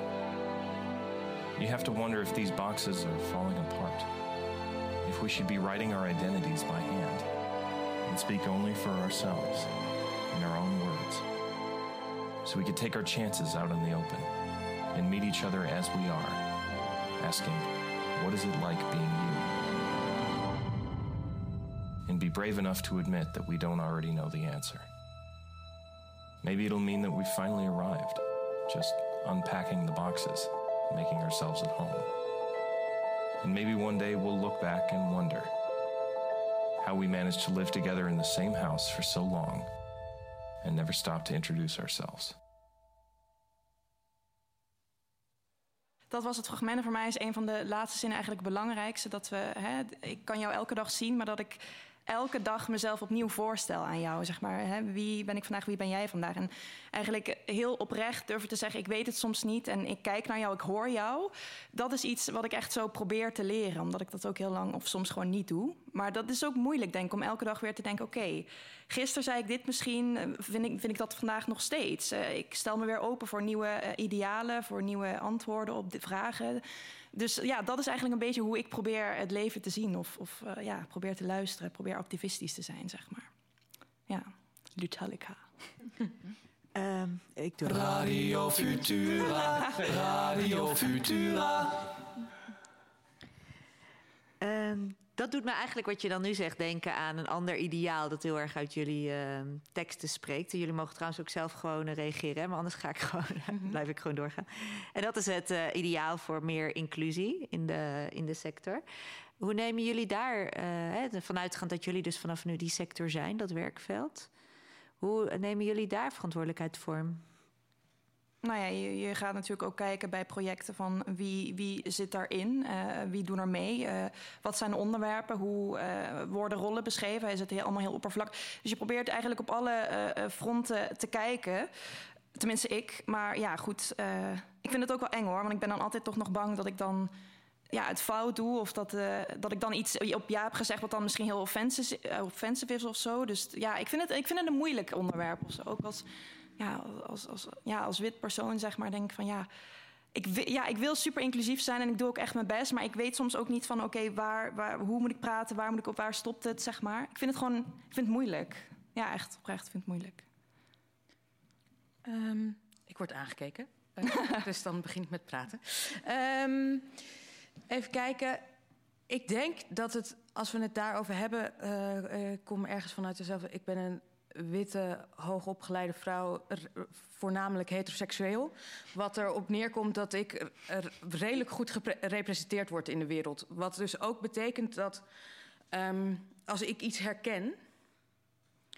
Dat het, dat het misschien belangrijker is om me te leren aan projecten en aan dingen uh, waar ik verder over moet nadenken. Die dus onbekend zijn. Die op een bepaalde manier iets anders, die ik niet, waar ik me niet direct in gespiegeld zie als een manier, als een soort praktische manier om um, waar ik mijn tijd aan besteed, laat ik het dan zo zeggen. Um, en dat is ook dat is passen en meten, uh, denk ik ook. En dat is ook dus ook weten dat ik het dus niet weet. um, en dus ook bekijken inderdaad uh, wie doen er mee en wat wordt er besproken en hebben we dit perspectief niet al 20.000 keer gezien? uh, dan hoeft het niet misschien. Dan is het misschien niet zo relevant. Vraag je je wel eens af of je als uh, jouw woorden witte, voornamelijk heteroseksuele vrouw. Mm -hmm. um, uh, of, je, of je een plek mag innemen in, de, in het werkveld nu, als dramaturg? Um, nou ja, dat denk ik blijkbaar wel. Anders was ik, zat ik niet aan tafel en was ik gestopt. Dus dat, dus dat, bedoel, dus dat denk ik blijkbaar wel. Um, maar ik denk dat het van belang is wat je dan vervolgens met die plek doet. En met die ruimte die je inneemt. En ik denk dat ik ook wel moeite heb met ruimte innemen. Um, omdat je ook denkt, uh, nou, ik ben nog niet eens afgestudeerd... en wat heb ik eigenlijk te vertellen? En ik ben ook soort, uh, dat je zo typisch in een... Uh, nou ja, ik ben dan vrouw en daar val ik dan... In, ja, ik ben een soort klein meisje, wat weet ik nou? Dat, dat soort gedachten bekruipen je af en toe. En dan moet je, daar moet je dan op, op kakken. Om dan maar eens even de woorden, te gebruiken die al eerder uh, zijn genoemd. Maar dat betekent ook dat de ruimte die ik inneem ook ruimte voor iemand anders kan zijn. Dus ik kan uh, met bredere schouders ook ruimte vrijmaken voor iemand anders die daar niet zo makkelijk inkomt. En dat maar stel, we zouden allemaal moeilijk. zo denken. Hè? Dus uh, uh, stel, uh, jullie hele lichting zou zo denken, die voornamelijk ehm, wit is. Gaat er dan iets veranderen? Is, wat, wat blijft dan nog overeind van die idealen? Oh, ik zit echt even op oorlogspad, geloof ik. ja, maar ik begrijp de vraag niet helemaal. Uh, stel, de hele lichting, voornamelijk, um, voornamelijk wit en grotendeels heteroseksueel, of in ieder geval. Uh, ja, nou, niet, waarschijnlijk allemaal flexibel daarin, maar, uh, want theater, maar. Uh, zegt allemaal van, nou weet je wel, maar goed, mijn stem is wel nog belangrijk. En als ik straks een positie heb, dan kan ik daarin ruimte ja, maken voor iemand anders. Ja. Van wat, wat verschuift daar dan? Wat gaan. Nee, dat is dus best wel ingewikkeld. Gewoon een vraag, want ik ben het zelf natuurlijk ook. Uh, die combinatie?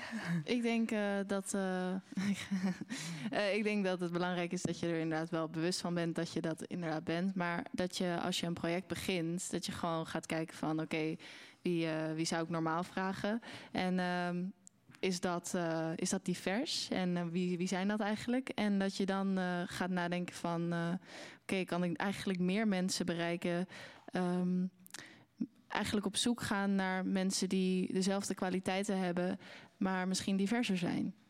En je denkt niet van, moet ik überhaupt dat potje gaan aanschrijven? Want uh, het is misschien beter om uh, potje? Voor, een potje voor een, als fonds of een subsidie of een...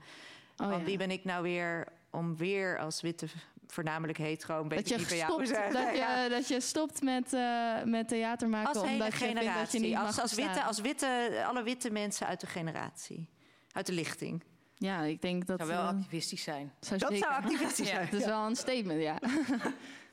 nee, ik, denk, ja, dan ben ik wel hypo, ja, misschien ben ik wel egoïstisch. Ik vind mijn stem ook belangrijk, ja. Maar ik denk dat dat juist het ding is. Dat we iedereen stem belangrijk gaan vinden. Dus ja, ik zeg meer van eh, maak je team diverser. Als je collectief, we zijn wel drie eh, witte heteroseksuele vrouwen, maar dan eh, nemen we nog een eh, vrouwelijke technicus erbij aan. En nog misschien een, een queer man en weet ik veel. Zeg maar dat je gewoon je team inderdaad divers maakt. En dan samen misschien gaat praten over welke thema's je gaat, wat je wil maken. Ik denk dat het inderdaad gewoon begint met je team samenstellen en ervoor zorgen dat zij ook werk hebben. Gaat het hier in jullie lichting veel over? Ja, jawel. Ja. Ook zo toen ik nog op school zat, echt meerdere gesprekken gewoon met de hele, hele school. Gewoon hè, van eerstejaars tot vierdejaars. eh, al die onderwerpen eh, aanspreken. Maar bij ons ging het ook best wel ver. Dat op een gegeven moment de derdejaars niet meer eh, in improvisatie dingen durfden te spelen. Bang eh, dan, eh, dat ze zeiden, oh nee, dit is een heel verkeerd beeld wat ik nu geef van een bepaalde groep. En dat mag ik niet spelen. Dus toen werd het ook heel ingewikkeld. Want toen werd de vraag van, maar mag je op de vloer alles spelen? Weet je wel, alles uitproberen? Of mag dat dan weer niet? Het moet een veilige situatie zijn, maar ja... Dus dat was een heel ingewikkeld gesprek. Waarin ik toch nog steeds van mening ben dat je... eh, je moet van tevoren wel eh, bepalen met z'n allen... oké, we gaan dit spelen, we gaan nu dingen uitproberen. Maar in principe vind ik dat dan vrijwel alles mag, moet kunnen in dat experiment. Het zijn natuurlijk wel bepaalde grenzen. Maar je moet, het, ja, je moet wel gewoon kunnen spelen vrij. En dan niet denken van, oh nee, ik mag dit niet spelen of zo. Op dit moment. Dan kun je daarna wel weer kiezen wat je echt in de voorstelling doet. Maar voor het experiment vind ik het wel goed dat er gewoon gespeeld mag worden. Ja, in een veilige omgeving. Dat alles laten zien mag worden. Ja, ja, maar wel in overleg. Zeg maar, je moet gewoon wel met je team, als je daar zit, zeggen van oké, wat, hoe staat iedereen hierin? En, en eh, weet van elkaar waar die staat, waar die staat, waar die staat. En dan moet er gewoon een veilige omgeving zijn waar geëxperimenteerd kan worden. En het experiment wordt heel moeilijk, denk ik, als je heel erg in je hoofd gaat zitten met een soort van overview van, maar mag dit wel, kan dit wel en moet dit zo? Ja, denk ik. Dat gaat over een bewustzijn, die- eh, collectief bewustzijn, wat we godzijdank nu hebben, maar wat ook dus op eh, wat je gaat censureren in je. Ja, ik geloof wel dat je uiteindelijk. Kijk, dit is al, ik heb het nu echt puur over het experiment. Hè. Ik, als je een voorstelling gaat maken en, en wat op de vloer gaat zitten, geloof ik wel echt dat er een grotere filter aan vooraf moet gaan. Van wat maak ik nou en wat laat ik hiermee zien. Maar het ging meer over het spelen. Ik denk ook als je wilt leren spelen, moet je ook gewoon door bepaalde dingen heen en dingen spelen. Gewoon. Maar zou jij een hele mooie rol of zo, zou je dan zeggen van eh, gewoon echt een mooi full body character in een wat voor serie of stuk dan ook, waar je ambitie ook ligt, zou je die je krijgt, zou je zeggen van, eh, weet je, nee, sorry, zoek alsjeblieft iemand van kleur. Nou, dat Want ligt... ik ben verantwoordelijk voor wat we nu gaan maken. Ik denk dat dat ligt er dan aan wie de rest, wat, voor de, wat de rest van die serie is en wie daar voor de rest in zit. Kijk, als iedereen dan bijvoorbeeld, ja, maar goed, dan zou ik dus dan weer. Maar dat, Ja, als iedereen, En- en dat- ja, maar dat is dus weer het ding, want dan zou ik zeggen, dan moet een ander maar zeggen, ik stap er en dan blijf ik wel, weet je wel. Maar ja, zo, zo gaat niemand weg. Ja, dat is dan weer een moeilijke taak. Maar je ligt toch ook aan de rol? Ja, maar ze zijn vol echt een goed geschreven karakter. Dat, is, dat wil je natuurlijk. Eh, ik zit in een serie en ehm, dat is een goed geschreven karakter. En, ehm, maar het is wel echt goed gecast ook, divers. Maar een ander dilemma was er. Namelijk, een, eh, er was een scène geschreven met een, eh, een kabouter erin. En die kabouter wilde ze casten als een klein iemand. Nou, toen waren ik en de andere eh, spelers zo van... dat is best wel een beetje raar, toch? Wat soort van, waarom is een kabouter per se een klein iemand? En waarom moet een klein iemand altijd een kabouter spelen? Dus toen zijn we naar de productie gegaan van... ehm, daar zijn we het eigenlijk helemaal niet mee eens. En toen eh, is er heel veel opschudding gekomen en is het dus ook veranderd. Dus het gaat denk ik dus, nou ja, Dus inderdaad wel over je bek opentrekken. Uh, dus als je dus inderdaad die full body uh, character hebt, dan moet je ook je bek opentrekken. Ja, maar is het dan, trek je je bek open en zeg je... oké, okay, schrijf er nog maar drie andere karakters bij? Of is het van, ik trek me terug en iemand anders neemt mijn plaats? Dat is natuurlijk... Ja, precies, dat je jezelf inruilt. Dus, dus, dat je zegt van, ik wil niet meer meedoen. Want uh, je bedoelt dat je jezelf inruilt voor een gekleurd ja, iemand. Ja, ja ik, ik weet niet. Ja, ik, ik denk dat ik dat wel heel graag wil doen. Hm. Ik bedoel niet iemand inruilen, sorry. Ik ben egoïstisch. Ik wil het zelf doen. Oh, oh zo ja. Denk ja. Ik ben bang. Maar je vindt ook dat er wat anders moet. Ja, dus ik denk dan als je daar dan zit, dan moet je wel weer je bek open trekken. Ja. Ik zit nog heel erg Als dramaturg mag je ook altijd gewoon alleen een vraag stellen. Hè? Hoef je helemaal oh, niet ja. iets te vinden. Dat is zo Vergeet dat altijd. Ja. Uh, nou, ik zit eigenlijk de hele tijd na te denken over uh, wat ik zelf zojuist nou net gezegd heb. en of ik daar uh, het nu nog wel mee eens ben, dat is één. Twee, ik vind dit eigenlijk ook een beetje een raar gesprek op dit moment. Het is weird. Omdat er nu vier... Ik, um, wat vind ik er vreemd aan? Um, ik heb het gevoel... Ja, Melissa. Ze zat al te popen. ja, ja, ja. Um, ja, ik denk dat, dat het gesprek nu heel erg gaat over plekken en welke plekken worden ingenomen. Maar ik denk dat het voor de sector en voor dit gesprek voeren ook van belang is dat we het hebben over welke verhalen er dan worden geschreven, welke verhalen een podium krijgen. En dat het daar begint. En dat het ook begint bij wat er achter het podium gebeurt en achter een serie gebeurt. Dus inderdaad, dat, een, dat er een kabouter wordt geschreven en dat je daar iets van zegt, dat is denk ik een activistische daad. Maar dat we het ook moeten hebben over um, het beleid dat gevoerd wordt en door wie dat gevoerd wordt en hoe dat wordt opgebouwd. En dat ik me als schrijver bewust ben dat ik een bepaald perspectief op het podium zet en, en uh, dat, het, dat ik daar gesprekken over kan voeren met Margriet als mijn dramaturg, zeg maar. Die zich heel bewust is omdat ze een studie heeft gedaan van hoe perspectieven werken en wat voor filosofie daarachter kunnen zitten. Dus dat ze door de kennis die ze heeft mij daarop kan wijzen. En mij bewuster kan maken van dat ik bicultureel ben en dat ik uh, me, soms mijn eigen blinde vlekken ook niet zie. Dus ik denk dat we het moeten hebben over welke verhalen een podium krijgen, hoe die verhalen worden opgebouwd en uh, wat dat zegt over de wereld en hoe we die zien. En dat we elkaar daar kritisch op kunnen bevragen. Ja, ja zeker. Want dat kan alleen maar via de ander. Daar zit, daar zit iets in. Ik heb, uh, totale zelfkennis bestaat denk ik niet. Dat zou ik graag willen, maar dat, daar geloof ik niet zo in. Ik denk dat je ook met die machtsstructuren waar we het ook al eerder over hebben gehad, dat er een hele hoop shit gewoon geïnternaliseerd zit, die je dus ook niet herkent als je dat zelf zegt of, of doet. Dus dat je ook iemand anders nodig hebt die dan zegt. Wat je net zei, is heel raar. Maar dat, dat kun je ook al zelf doen. Dus ook jezelf de hele tijd uh, bevragen met alles waarvan je zelf denkt. Uh, dus bijvoorbeeld, wie zou ik daar normaal voor vragen of uh, enzovoort. Ja, is dat wel zo normaal? Uh, om daar automatisch die keuze in te maken.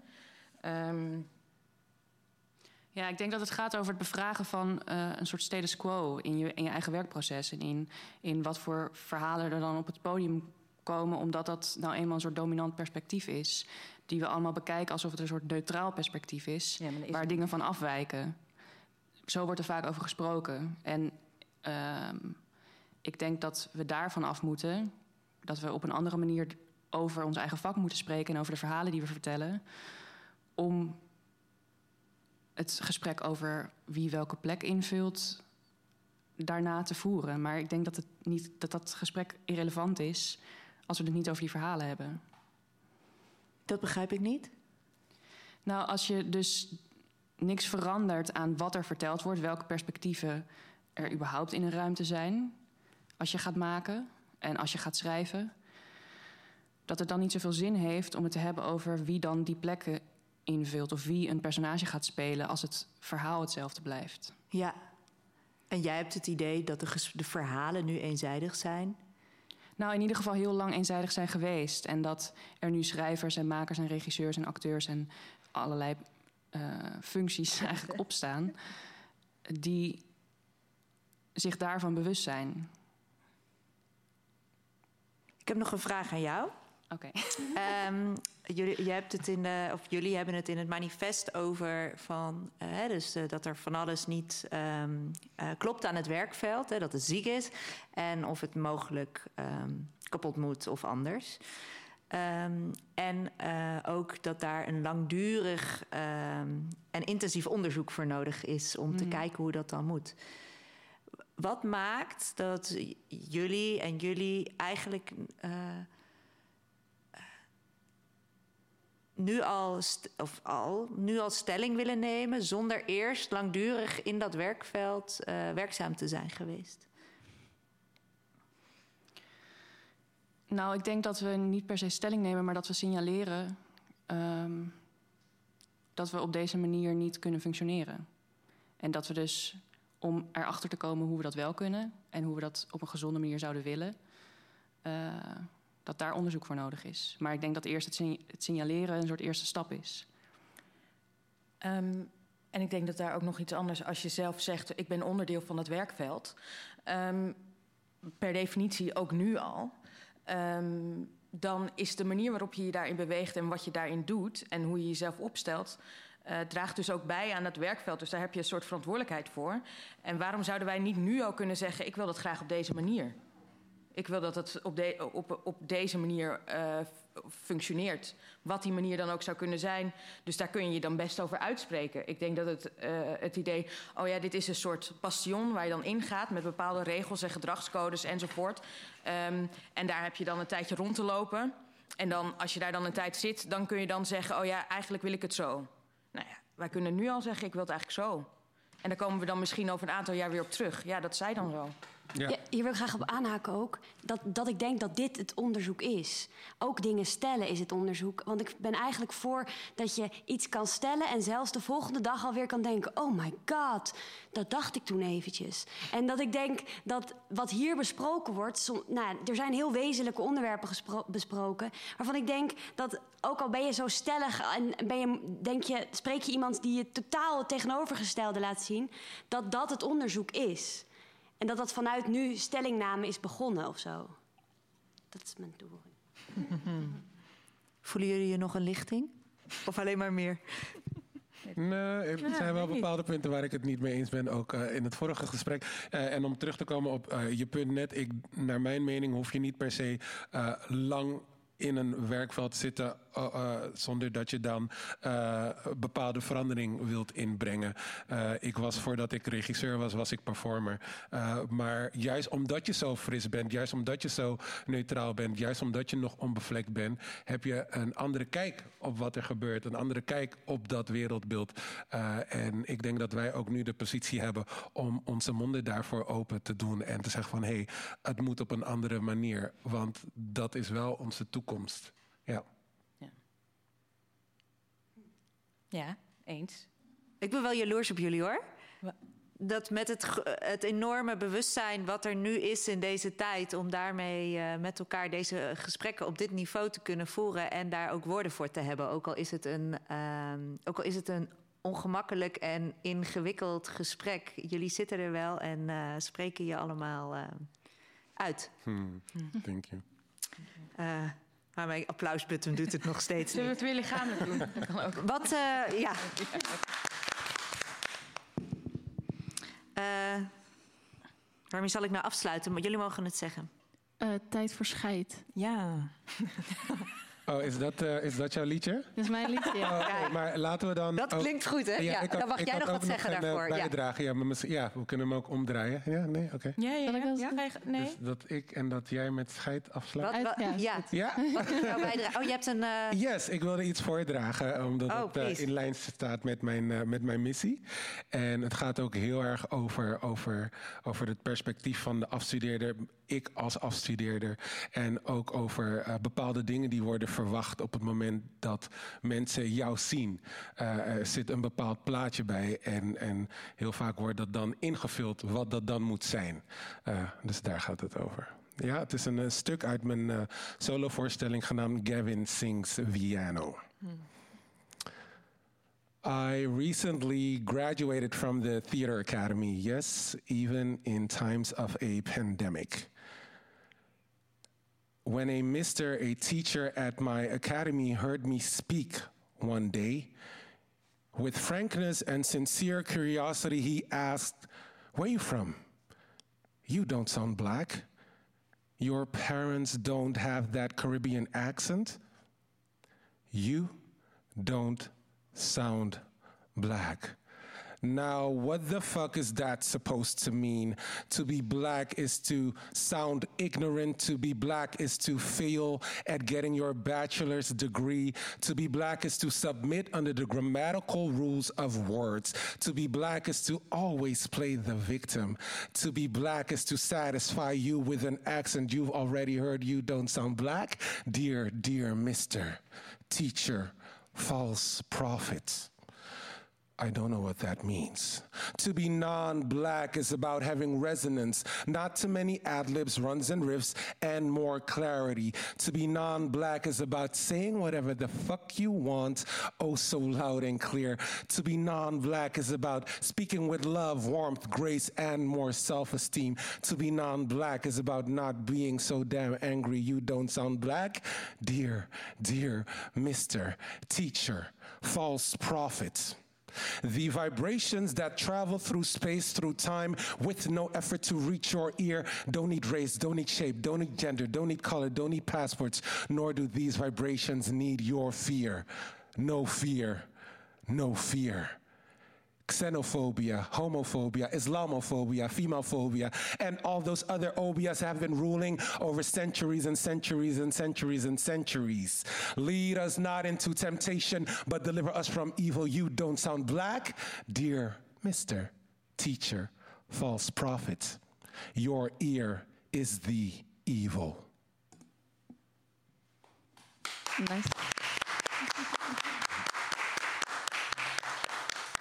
Dankjewel, dat was Gavin Viano hier bijna aan het eind van deze uitzending van Radio Futura It's Taking Over, waarin ik sprak met een aantal representanten van Lichting 2020 over activisme.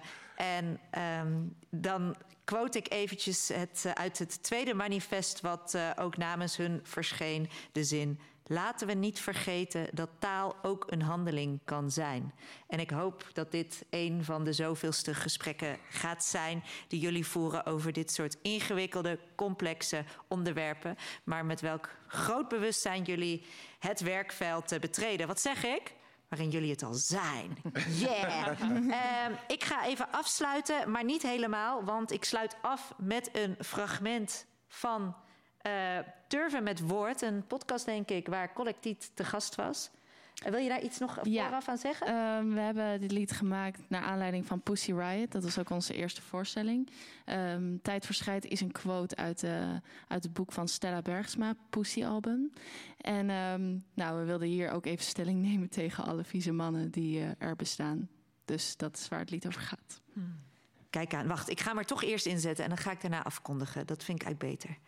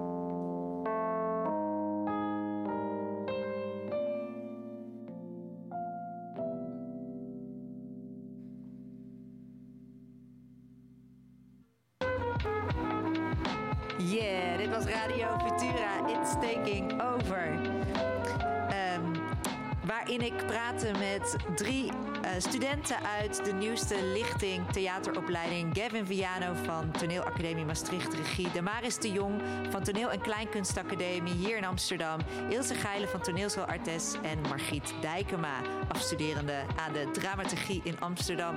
Super bedankt voor jullie stem laten horen. En ik hoop daar nog veel meer van te mogen horen.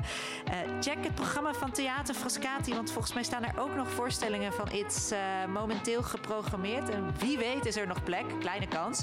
Maar anders kan je altijd volgende week weer naar de Nest komen om uh, de uitzendingen van Radio Futura bij te wonen. En dan zit ik of mijn collega Dionne Verwij hier weer. Dit was Radio Futura, Radio Futura.